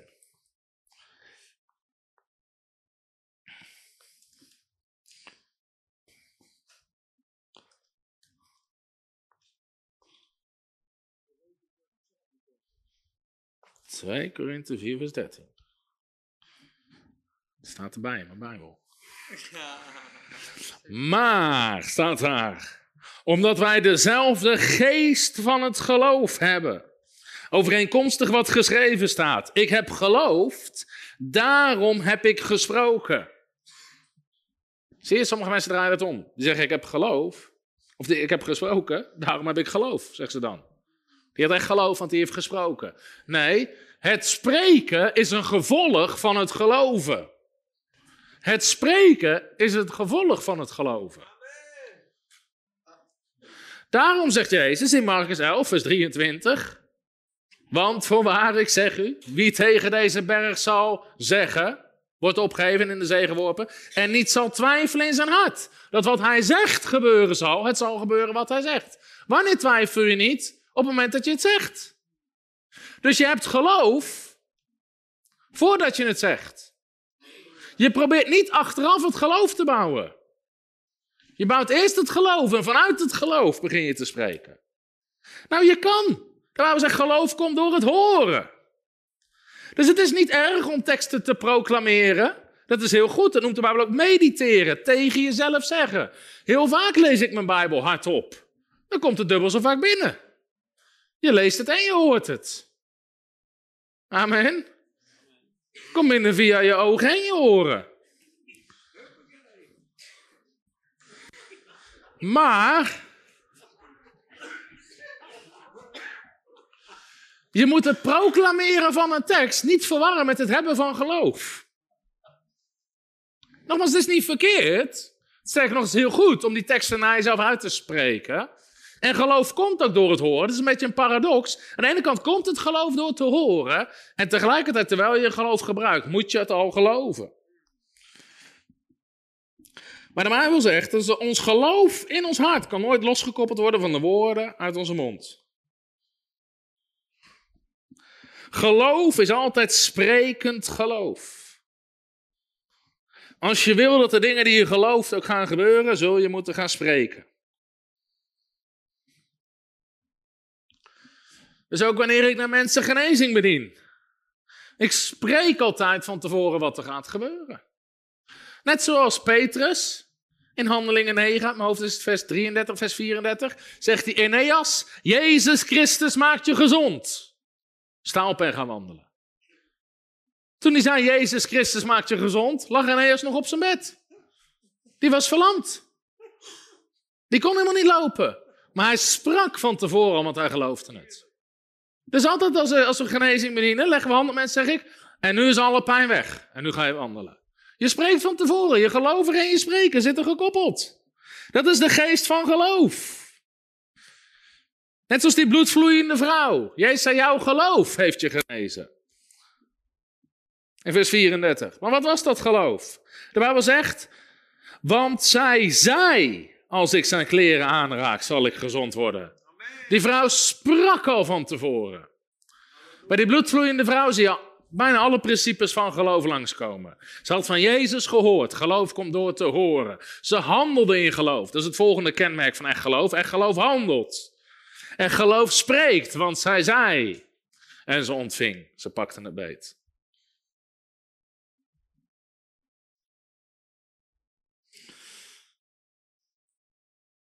Dus ik heb een, heb een boek geschreven, Woorden van Geloof, waar ik hier heel diep op inga. Maar dat is gewoon ook, daarom is het deze, gewoon geloof God voor andere dingen, werkt hetzelfde als geloof voor redding. Hoe word je gered? Romeinen 10, met je hart geloof je, met je mond beleid je. Wat beleid je? Dat Jezus Christus Heer is. Laten we die eens opzoeken, Romeinen hoofdstuk 10.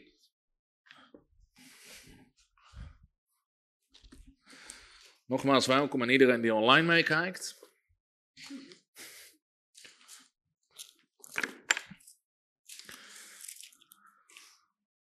Alles wat ik nu deel, tenminste niet alles, maar een groot gedeelte ervan zit in mijn nieuwe boek. Wat uitkomt over een paar weken. Zaterdag 21 mei op mijn hoofd. Romeinen hoofdstuk 10. Vers 9 en 10. Als u met uw mond de Heer Jezus beleidt en met uw hart gelooft dat God hem uit de doden opgewekt heeft, dan zult u zalig worden. Want met het hart gelooft men tot gerechtigheid. En met de mond beleidt men tot zaligheid. Met de mond beleidt men tot zaligheid. Dus de Bijbel zegt, met het hart geloof je en met de mond beleid je tot, staat er. In het Griekse, Grieks staat het woordje eis, wat echt betekent het veroorzaakt iets. Jouw beleidenis veroorzaakt iets. Wat jij gelooft in je hart, wordt veroorzaakt op het moment dat je begint te spreken. Dus jij hoort het evangelie. Hoe komt geloof? Door het horen van het woord van God. Jij hoort dat God je zonde wil vergeven. Dat Jezus Christus gestorven is, ver aan het kruis. Dat hij opgestaan is uit de dood. Het woord van God wordt gezaaid in je hart. Je gelooft het met je hart. En er komt een moment dat je beleidt met jouw mond. Jezus Christus is Heer van mijn leven. En dat is de manier waarop je zaligheid ontvangt. Je gelooft met je hart en je beleidt met je mond. Het hele ding is, en ik heb dat volgens mij de eerste les ook gezegd. Dat woord zaligheid is het woord sozo of soteria. En dat staat voor Gods hele verlossing, of hele redding. Dat betekent, dat betekent redding. Het betekent vergeving. Maar het betekent ook genezing. Die bloedvloeiende vrouw, jij zegt, jouw geloof heeft je sozo gemaakt, heeft je genezen. Jouw geloof heeft je bevrijd. Het betekent het hele, de hele erfenis van Christus. Alles waar Jezus voor gestorven is, wordt samengevat in dat woord redding. Wat heeft de kerk ervan vaak van gemaakt? Ja, je bent vergeven en later ga je naar de hemel. Maar ze hebben maar een heel klein deel hebben ze verkondigd. Maar het betekent Gods hele reddingsplan. Genezing, bevrijding, voorziening, al die dingen meer. Dus met je hart geloof je en met je mond beleid je. En zoals je met je hart gelooft en met je mond beleidt tot vergeving, kan je beleiden tot genezing. Kan je beleiden tot bevrijding. Kan je beleiden tot voorziening. Met je hart geloof je, met je mond beleid je tot. Tot, het veroorzaakt iets. En net zoals de Bijbel zegt dat Jezus Christus Heer is, Jeshua is, onze redder en verlosser, zegt de Bijbel ook. God is ook Jehovah Rapha, onze geneesheer. En ook dat kan je geloven met je hart en beleiden met je mond. Hij is Jehovah Jireh, de Heer onze voorzienaar. Hij is El Shaddai, God de Almachtige. Hij is Jehovah Roi, de Heer onze herder. Al die dingen geloof je met je hart en begint ze te beleiden met je mond. Jouw geloven en je spreken zitten gekoppeld. Als je gelooft wat het woord van God zegt, zeg wat het woord van God zegt. Er was een vrouw, alleenstaande moeder, die hoorde dit onderwijs. En haar dochtertje vroeg vaak om een nieuwe fiets. En ze altijd, schat, dat kunnen we niet betalen. Schat, dat kunnen we niet betalen. En ze hoorde het onderwijs over geloven en spreken. En ze besefte wat ze altijd beleed. Dat kunnen we niet betalen. Dat kunnen we niet betalen. En ze hoorde, God zal voorzien in alles wat je nodig hebt. En op een gegeven moment kwam de dochtertje weer en vroeg, mama, mag ik een nieuwe fiets? En ze zei, schat, dat kunnen we... God zal voorzien in alles wat we nodig hebben, zei ze. En ze begon te veranderen wat ze aan het spreken was. Ze begon te mediteren op het woord van God. En iedere keer als ze sprak, als dat wel dochter vroeg, zei ze: God voorziet, God zal voorzien, God zal voorzien. Binnen drie weken kreeg ze een nieuwe fiets. Wat was veranderd? Wat ze zei, wat ze spreekt. Je moet je geloven, moet je koppelen aan je spreker. Zeg wat God zegt. Jezus zegt niet praat over je berg, hij zegt spreek tegen je berg. Dus zeg wat het woord van God zegt. Lees wat het woord van God zegt, maar beleid het. Dus ik hou persoonlijk van de zegen, Deuteronomium 28. Waar staat, al deze zegeningen zullen over u komen en u bereiken. Als ik dat lees, ben ik in één klap vrolijk. Halleluja. Maakt niet uit wat de duivel heeft geprobeerd die dag. Ik pak gewoon mijn Bijbel, ga naar Deuteronomium 28. Halleluja. Al deze zegeningen zullen over mij komen en mij bereiken. De Engelse vertaling zegt, al deze zegeningen zullen u inhalen. Halleluja. Begin ik het al voor me te zien. Links ervan, rechts daarvan. Overal halen zegeningen in. En dan begin je gewoon die zegeningen, begin je te beleiden. Ik zal gezegend zijn in de stad. Ik zal gezegend zijn op het veld. Gezegend zal zijn de vrucht van onze schoot. Het werk van onze handen. Alle vijanden die ons aanvallen zullen ons verslaan. We zullen de kop zijn en niet de staart. We zullen uitsluitend omhoog gaan en niet omlaag. We zullen uitsluitend geld uitlenen en niet hoeven te lenen. Al de volken van de aarde zullen zien dat de naam van de Heer over ons... En je begint gewoon te beleiden wat Gods woord zegt. En je gelooft het met je hart en je beleidt het met je mond. En iedere keer gebeurt het. Dus ook voor ons in het natuurlijke was de coronacrisis was een gigantische crisis. Want met de bediening wat je vooral doet is prediken voor groepen. Conferenties, samenkomsten, diensten. En alles wordt afgezegd. En als je gelooft, niet met je hart, maar met je ziel, is dat een drama. Dat betekent offers, collectes, al die dingen vallen weg. En we hadden behoorlijk wat mensen in dienst, behoorlijke vaste lasten met allerlei dingen die we doen. Maar we hebben altijd gewoon gezegd, halleluja, de Heer is onze voorzienaar. En we gaan uitsluitend omhoog en nooit omlaag. Dat is altijd mijn beleidenis. We gaan uitsluitend omhoog en nooit omlaag. En door heel de coronacrisis bleven we dat zeggen. We gaan uitsluitend omhoog en nooit omlaag. En andere voorgangers belden ons op. Jullie zullen het wel moeilijk hebben met een eigen gebouw en mensen in dienst en red je het wel. Ja, we gaan uitsluitend omhoog en nooit omlaag. Weet je, en we zijn in de coronacrisis, jaar na jaar zijn we verdubbeld. Ieder jaar verdubbelen. Met bereik, boeken die we weg kunnen geven, aantal partners wat we hebben, inkomen binnenkomt. Iedere keer verdubbelt het. En heel veel kerken, die storten in. Vanwege wat ze geloven en wat ze zeggen. Dit wordt een moeilijk jaar, mensen lopen weg, inkomsten vallen weg. Dat is wat je gelooft, dat is wat je zegt, dat is wat je krijgt. Heel vaak als we ergens spreken, vragen de voorgangers, vragen, nou ja, wat voor vergoeding? We hanteren geen vergoeding. Geef mensen gewoon de kans om te zaaien. Haal gewoon een offer op voor de frontrunners, dat is alles wat we vragen. En altijd zeggen voorgangers, uh, ja, maar bij ons in de kerk geven mensen slecht. Bij ons in de kerk geven mensen niet. Uh, christenen zijn niet vrijgevig hier, ze zijn heel erg gierig. Ik geloof het niet. Je bent gemaakt in een beeld en gelijkenis van God. En God is vrijgevig. Ik geloof dat mensen graag willen geven aan het evangelie. Dus ik zeg altijd nee, aan ons niet. Mensen geven graag aan ons. Ik zeg nou, als je het echt wil, kunnen we dat doen. Maar we kunnen ook gewoon... Ik zeg nee, dat is wat we echt willen. En 99 van de 100 keer komt die voorganger of een oudste, komt zo aan. Uh, ze ze, no, nooit krijgen. Oh, hoe, kan dat? Vanwege wat je gelooft en wat je zegt. Vanwege wat je gelooft en wat je zegt. 9 van de 10 keer, net zoals nu, ben ik zo lang aan het preken dat we niet eens tijd hebben om onderwijs te geven over geven. Het enige wat we aan het eind zeggen is: geef wat je op je hart hebt. En mensen geven wat ze op hun hart hebben. En er komt altijd meer binnen. Halleluja. Hij zo hoog zijn bij onze offers nooit. Nee, blijf dat vooral zeggen. Blijf dat vooral zeggen. En dan blijf je dat hebben. Halleluja. Het heeft te maken met wat je gelooft. Halleluja. Gaan we nog een hele avond over hebben. Marcus 11, vers 23. Nummer 5 of nummer 4 ga ik het niet verder over hebben, maar echt geloof houdt vol. Daar heb ik al iets over aangehaald. Echt geloof geeft niet op. Net zoals Abraham die tegen alles in gehoopt en geloofd heeft. Daar gaan we ook een avond over hebben. Over volharding. En het laatste kenmerk wat ik wil delen vanavond. Echt geloof doet wat God zegt. Die heb ik ook al aangekondigd. Echt geloof doet wat God zegt. Bijbel zegt dit in Jacobus 2, vers 26. Mag je even opzoeken.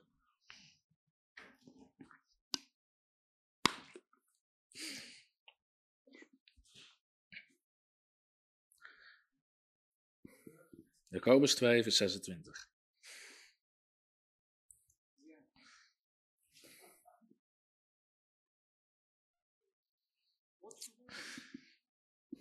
In vers 17 staat eerst, zo is het geloof als het geen werken heeft in zichzelf dood.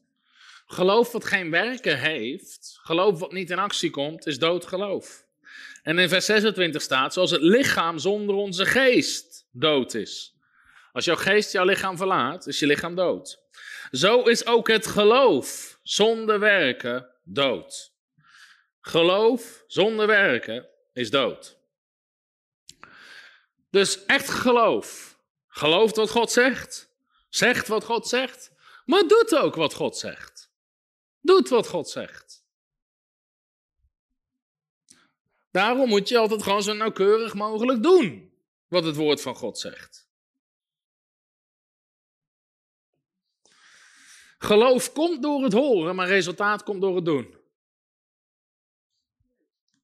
Geloof komt door het horen, maar resultaat komt door het te doen. Handelen in geloof. Handelend geloof. Je moet in actie komen. Geloof is een werkwoord. Het doet iets. Het bewerkt iets. Je moet in actie komen. Daarom als christenen zeggen, ja, ik geloof in genezing. Maar ze leggen geen handen op zieken. Ze komen in actie. Is het geen bijbels geloof? Het is doodgeloof. Want het heeft geen werken. Het heeft geen werken. Als je het gelooft, moet je het gaan doen.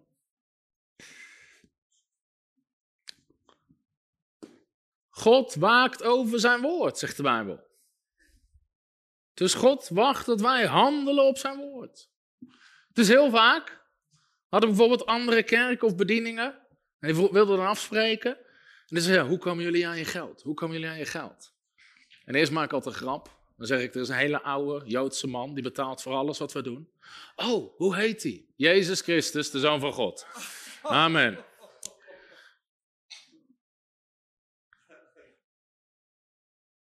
En dan, voordat ik antwoord geef, het antwoord is geloof, we geloven God voor voorziening, begin ik dan te vragen, hoe zit het met je geven?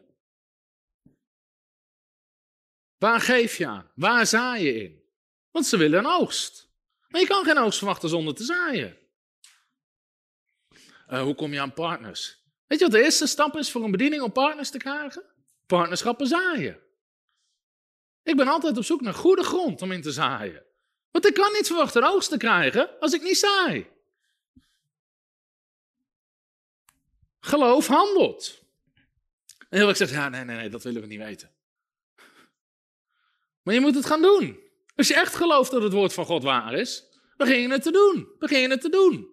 Altijd als ik een doorbraak nodig heb in financiën, begin ik te zaaien. Want als ik een oogst wil, en ik geloof dat God een oogst gaat geven, moet ik gaan handelen in geloof. Ik moet gaan zaaien. Je moet doen wat het woord van God zegt.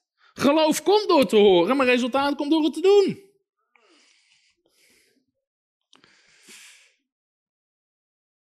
Er is niemand in de Bijbel die deed wat God zei en faalde. Als je doet wat God zegt, dan slaag je. Geloof begint te handelen. En te handelen en te handelen. Toen ik las over handen leggen op zieken en ze zullen genezen. Ik ben gewoon begonnen om het te doen. Had ik in het begin vaak resultaat? Nee, ik had heel vaak geen resultaat. En ik heb het niet geleerd in dienst. Ik heb het gewoon geleerd op de straat. Maar ik geloof dat het woord van God waar is. Of ik het nou zie of niet. En ik bleef het gewoon doen en doen. En met dat je het doet en doet, begint het resultaat toe te nemen. Het resultaat toe te nemen. Op een gegeven moment, in het begin van onze bediening, toen we net gestart waren, en ik nog niet zo druk was, geen volle agenda ging ik iedere woensdagmiddag ging naar het ziekenhuis. En ging gewoon handen leggen op zieken, ging gewoon voor mensen bidden. Als je gelooft dat het woord van God waar is, ga het dan doen. Ga het dan doen. Maar zeggen, ik ben geroepen voor genezingsbediening. Begin op straat, begin in kroegen, begin in discotheken, begin op de pleinen voor ziekenhuizen. Begin gewoon. Als je gelooft dat je geroepen hebt, begin. Amen. Je moet iets gaan doen. En als je geloof groeit, groeien ook je geloofsdaden. Het was Greater Fate 2020. Dat was een beetje het toppunt van de coronacrisis. En we deden wel onze conferentie. Heel veel dingen lagen heel gevoelig heel veel mensen. En op een gegeven moment die avond wist ik, God wil mensen genezen. God wil mensen genezen. Alleen handen leggen op zieken, al die dingen, lag gevoelig. Dus ik zei, heer, wat moeten we doen? En God zei, laat mensen door je schaduw heen lopen en ze zullen genezen. Hetzelfde als in Handelingen 5, waar de schaduw van Petrus op zieken viel en ze genazen. Als God dat tegen je zegt en je gelooft het, moet je iets gaan doen. Maar dat vraagt wel een stap van geloof. Om voor een zaal vol met mensen te zeggen, wanneer mensen door mijn schaduw heen lopen, zullen ze gaan genezen. Ik had dat nog nooit gezien. Ik las het in de Bijbel, maar ik had het nog nooit gezien, zien gebeuren. Maar wat moet je doen als je het gelooft? Je moet gaan handelen. Dus ik pakte de microfoon. Ik zei: Dit is wat God heeft gezegd. Dus ik ben daar op die stoel gaan staan. Ik weet niet, waren er mensen bij die conferentie?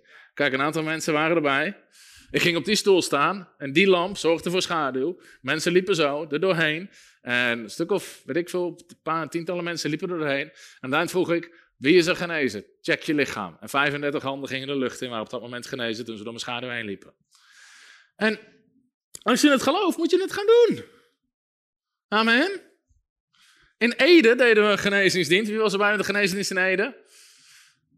En hetzelfde, ik was aan het bidden voor de dienst.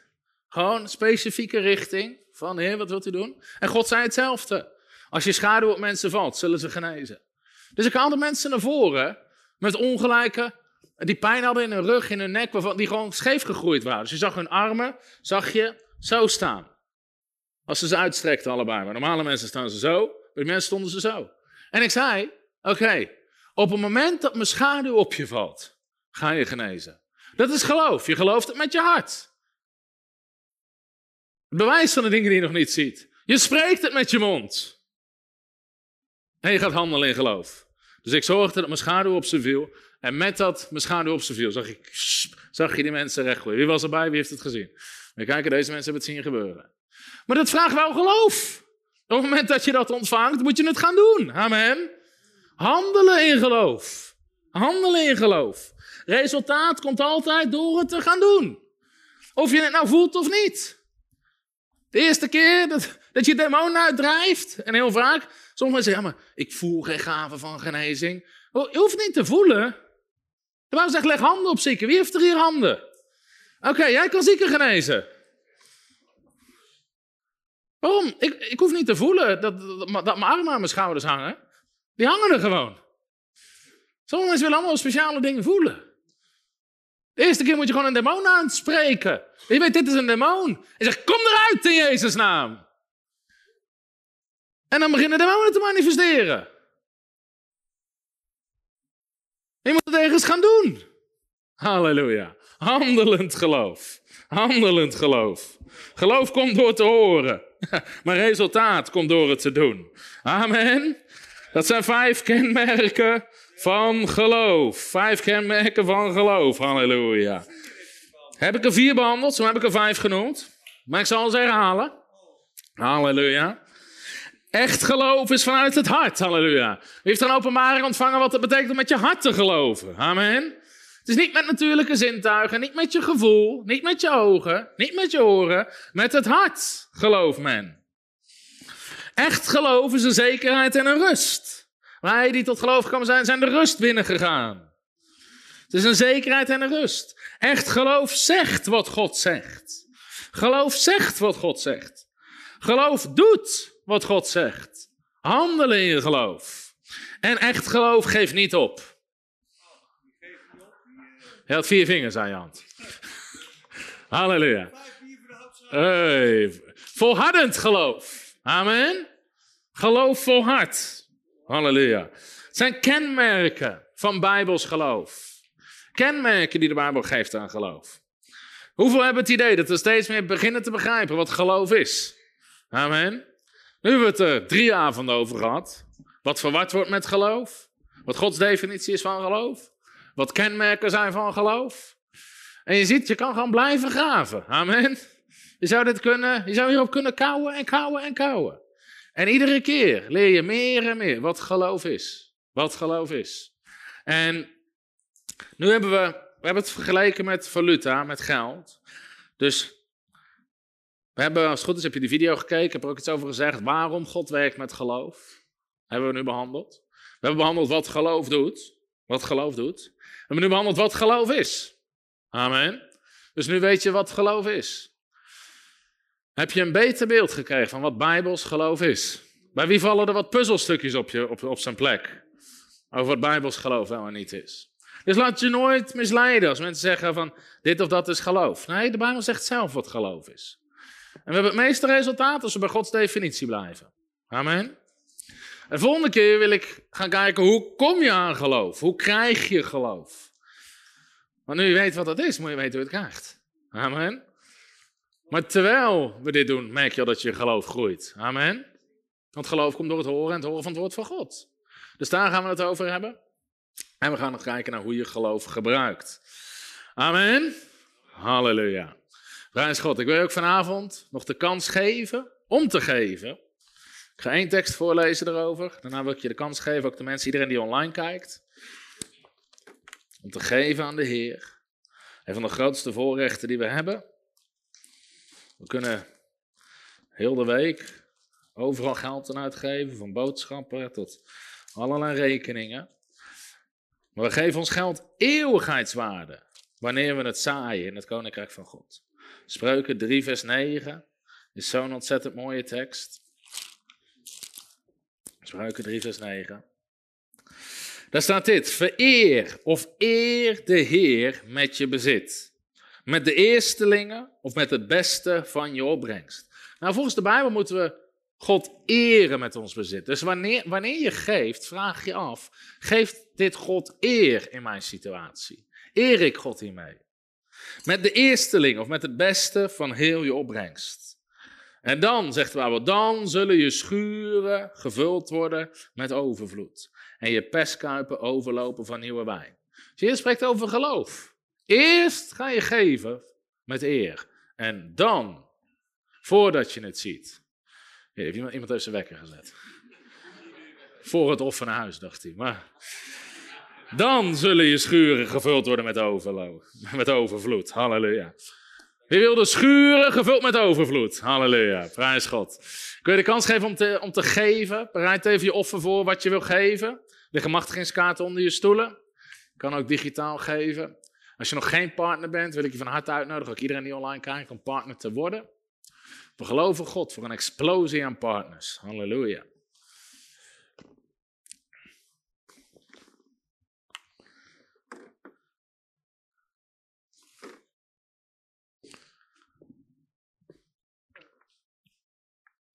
Ja, we kunnen zo wel. Misschien kunnen we zo wel één of, of twee vragen beantwoorden. Van mijn part kunnen we live er even bij blijven voor de vragen. Ook trouwens, iedereen die online kijkt, en ook mensen hier in de zaal, we gaan een voltijd Bijbelschool starten voor mensen die ervaren, ik heb een roeping op mijn leven als prediker, misschien als evangelist om gemeentes te starten of in bedieningen te werken. Zijn er mensen in de zaal die zeggen, ik ervaar een roeping op mijn leven voor voltijd bediening? Voor voltijd bediening. Ja, een aantal mensen zeggen, ik, heb, ik ervaar een roeping voor voltijd bediening. En achterin in mijn stand staan ook van onze Voltijd Bijbelschool. Ik denk dat er wel folders bij liggen. Neem die even mee. We hebben een website, voltijdbijbelschool.nl. We gaan in 2023 starten. Waar mensen gaan trainen, uitzenden en begeleiden om de roeping die God op hun leven heeft te vervullen. Amen. Oké, als je offer hebt ingevuld, mag je naar voren komen. Als je online aan het kijken bent, ik zou niet zo ver lopen, ik zou gewoon digitaal geven.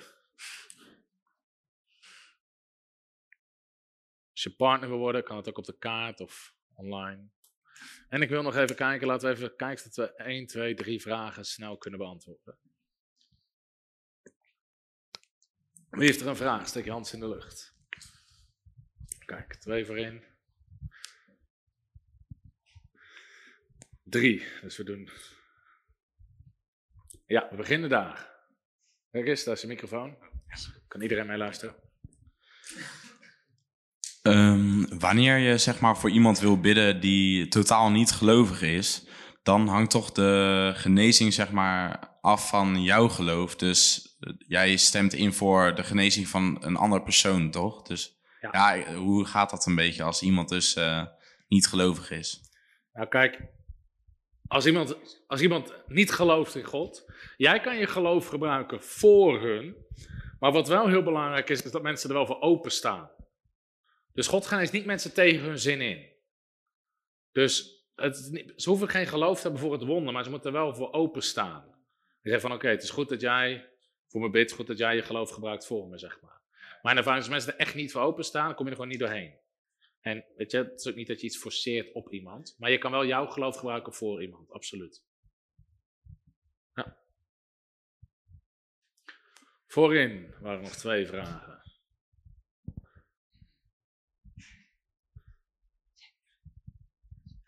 Uh, jij zegt op het plaatje dat je in je geest kun je twijfel hebben. Kun je in je geest ook andere dingen hebben die negatief voor je kunnen zijn? Uh, ja, het spreekt inderdaad over je geestelijke mens. Je kan ook angst hebben in je geest. Ook dat kan zeg maar, je geest beïnvloeden. Ja? Ja, de Bijbel zegt ook: laat ons reinigen van alle besmetting van het vlees en de geest. Amen, Volgens mij. Uh, broer, ik vond het heel mooi dat je een rema-woord, een gesproken woord van God krijgt over zo'n schaduw. En ik heb ook bij TB Joshua vaak gezien, hè, dan was er bijvoorbeeld iemand dat echt een, gat in zijn, uh, nou ja, in zijn billen, zou ik maar zeggen, zo groot als een vuist. En daar had hij ook gebeden, heer, wat moet ik doen? En dan had de heer gezegd, stop dat gat vol met wol en profeteer tegen die wol, wol wordt vlees. Nou, dat, dat groeide uh, dicht jij krijgt nu een rema-woord van God. Heel vaak hoor je dat mensen logos half religieus iets gaan doen. Dus er zijn heel veel mensen die, oh, genees in onze schaduw, genees in onze schaduw. En gaan dat eigenlijk doen of imiteren of kopiëren. Maar jij krijgt nu een rema-woord waar je je geloof op bouwt. Zou je daar iets van kunnen vertellen? Ja, um, goeie vraag. Voor mensen die het verschil niet een beetje kennen, tussen logos is het geschreven woord van God en rema noemen we vaak het gesproken woord van God. Dus God iets in je geest spreekt. En kijk wat je zegt, heel veel mensen die beginnen dan, je hebt mensen die uit eigen kracht zeggen, ja de Bijbel zegt, maar heel vaak is het verstandelijk instemmen. Het is anders geloven met je hart. Dus voor sommige dingen, um, ondanks dat het woord van God het zegt, kijk het grappige is, dus de eerste twee keer met die schaduw, was dat beide keren God het zei. En toen laatst was ik in een dienst. En toen wist ik gewoon, ik heb hier geloof voor. God had er niks, voor, niks over gezegd. Toen wist ik gewoon, ik heb er geloof voor. En daarom zegt de Bijbel, ook geloof werkt als een mosterdzaad. Je moet het zaaien, je moet het gebruiken en het groeit. Dus laatst was ik in een dienst. Toen zei ik, nou, laat maar iemand naar voren komen mijn schaduw staan en die geneest. Ik had geen rema-woord, maar ik had wel absoluut geloof in mijn geest. Dus omdat je geloof daarin eigenlijk gegroeid is, laat ik het zo zeggen. Dus sommige dingen beginnen met een, met een hè, ondanks dat je weet dat het woord zegt dat het uh, dan spreekt God erover. Ja, en dan groeit je geloof er gewoon in. Dus dan weet je gewoon altijd zeker van, oké, dit gebeurt. Amen? Amen. Prijs God nog. Nou, je steekt zo lief je hand op, dat ik toch vraag vragen of Marion genadig wil zijn. Ze heeft de sportschoenen aan.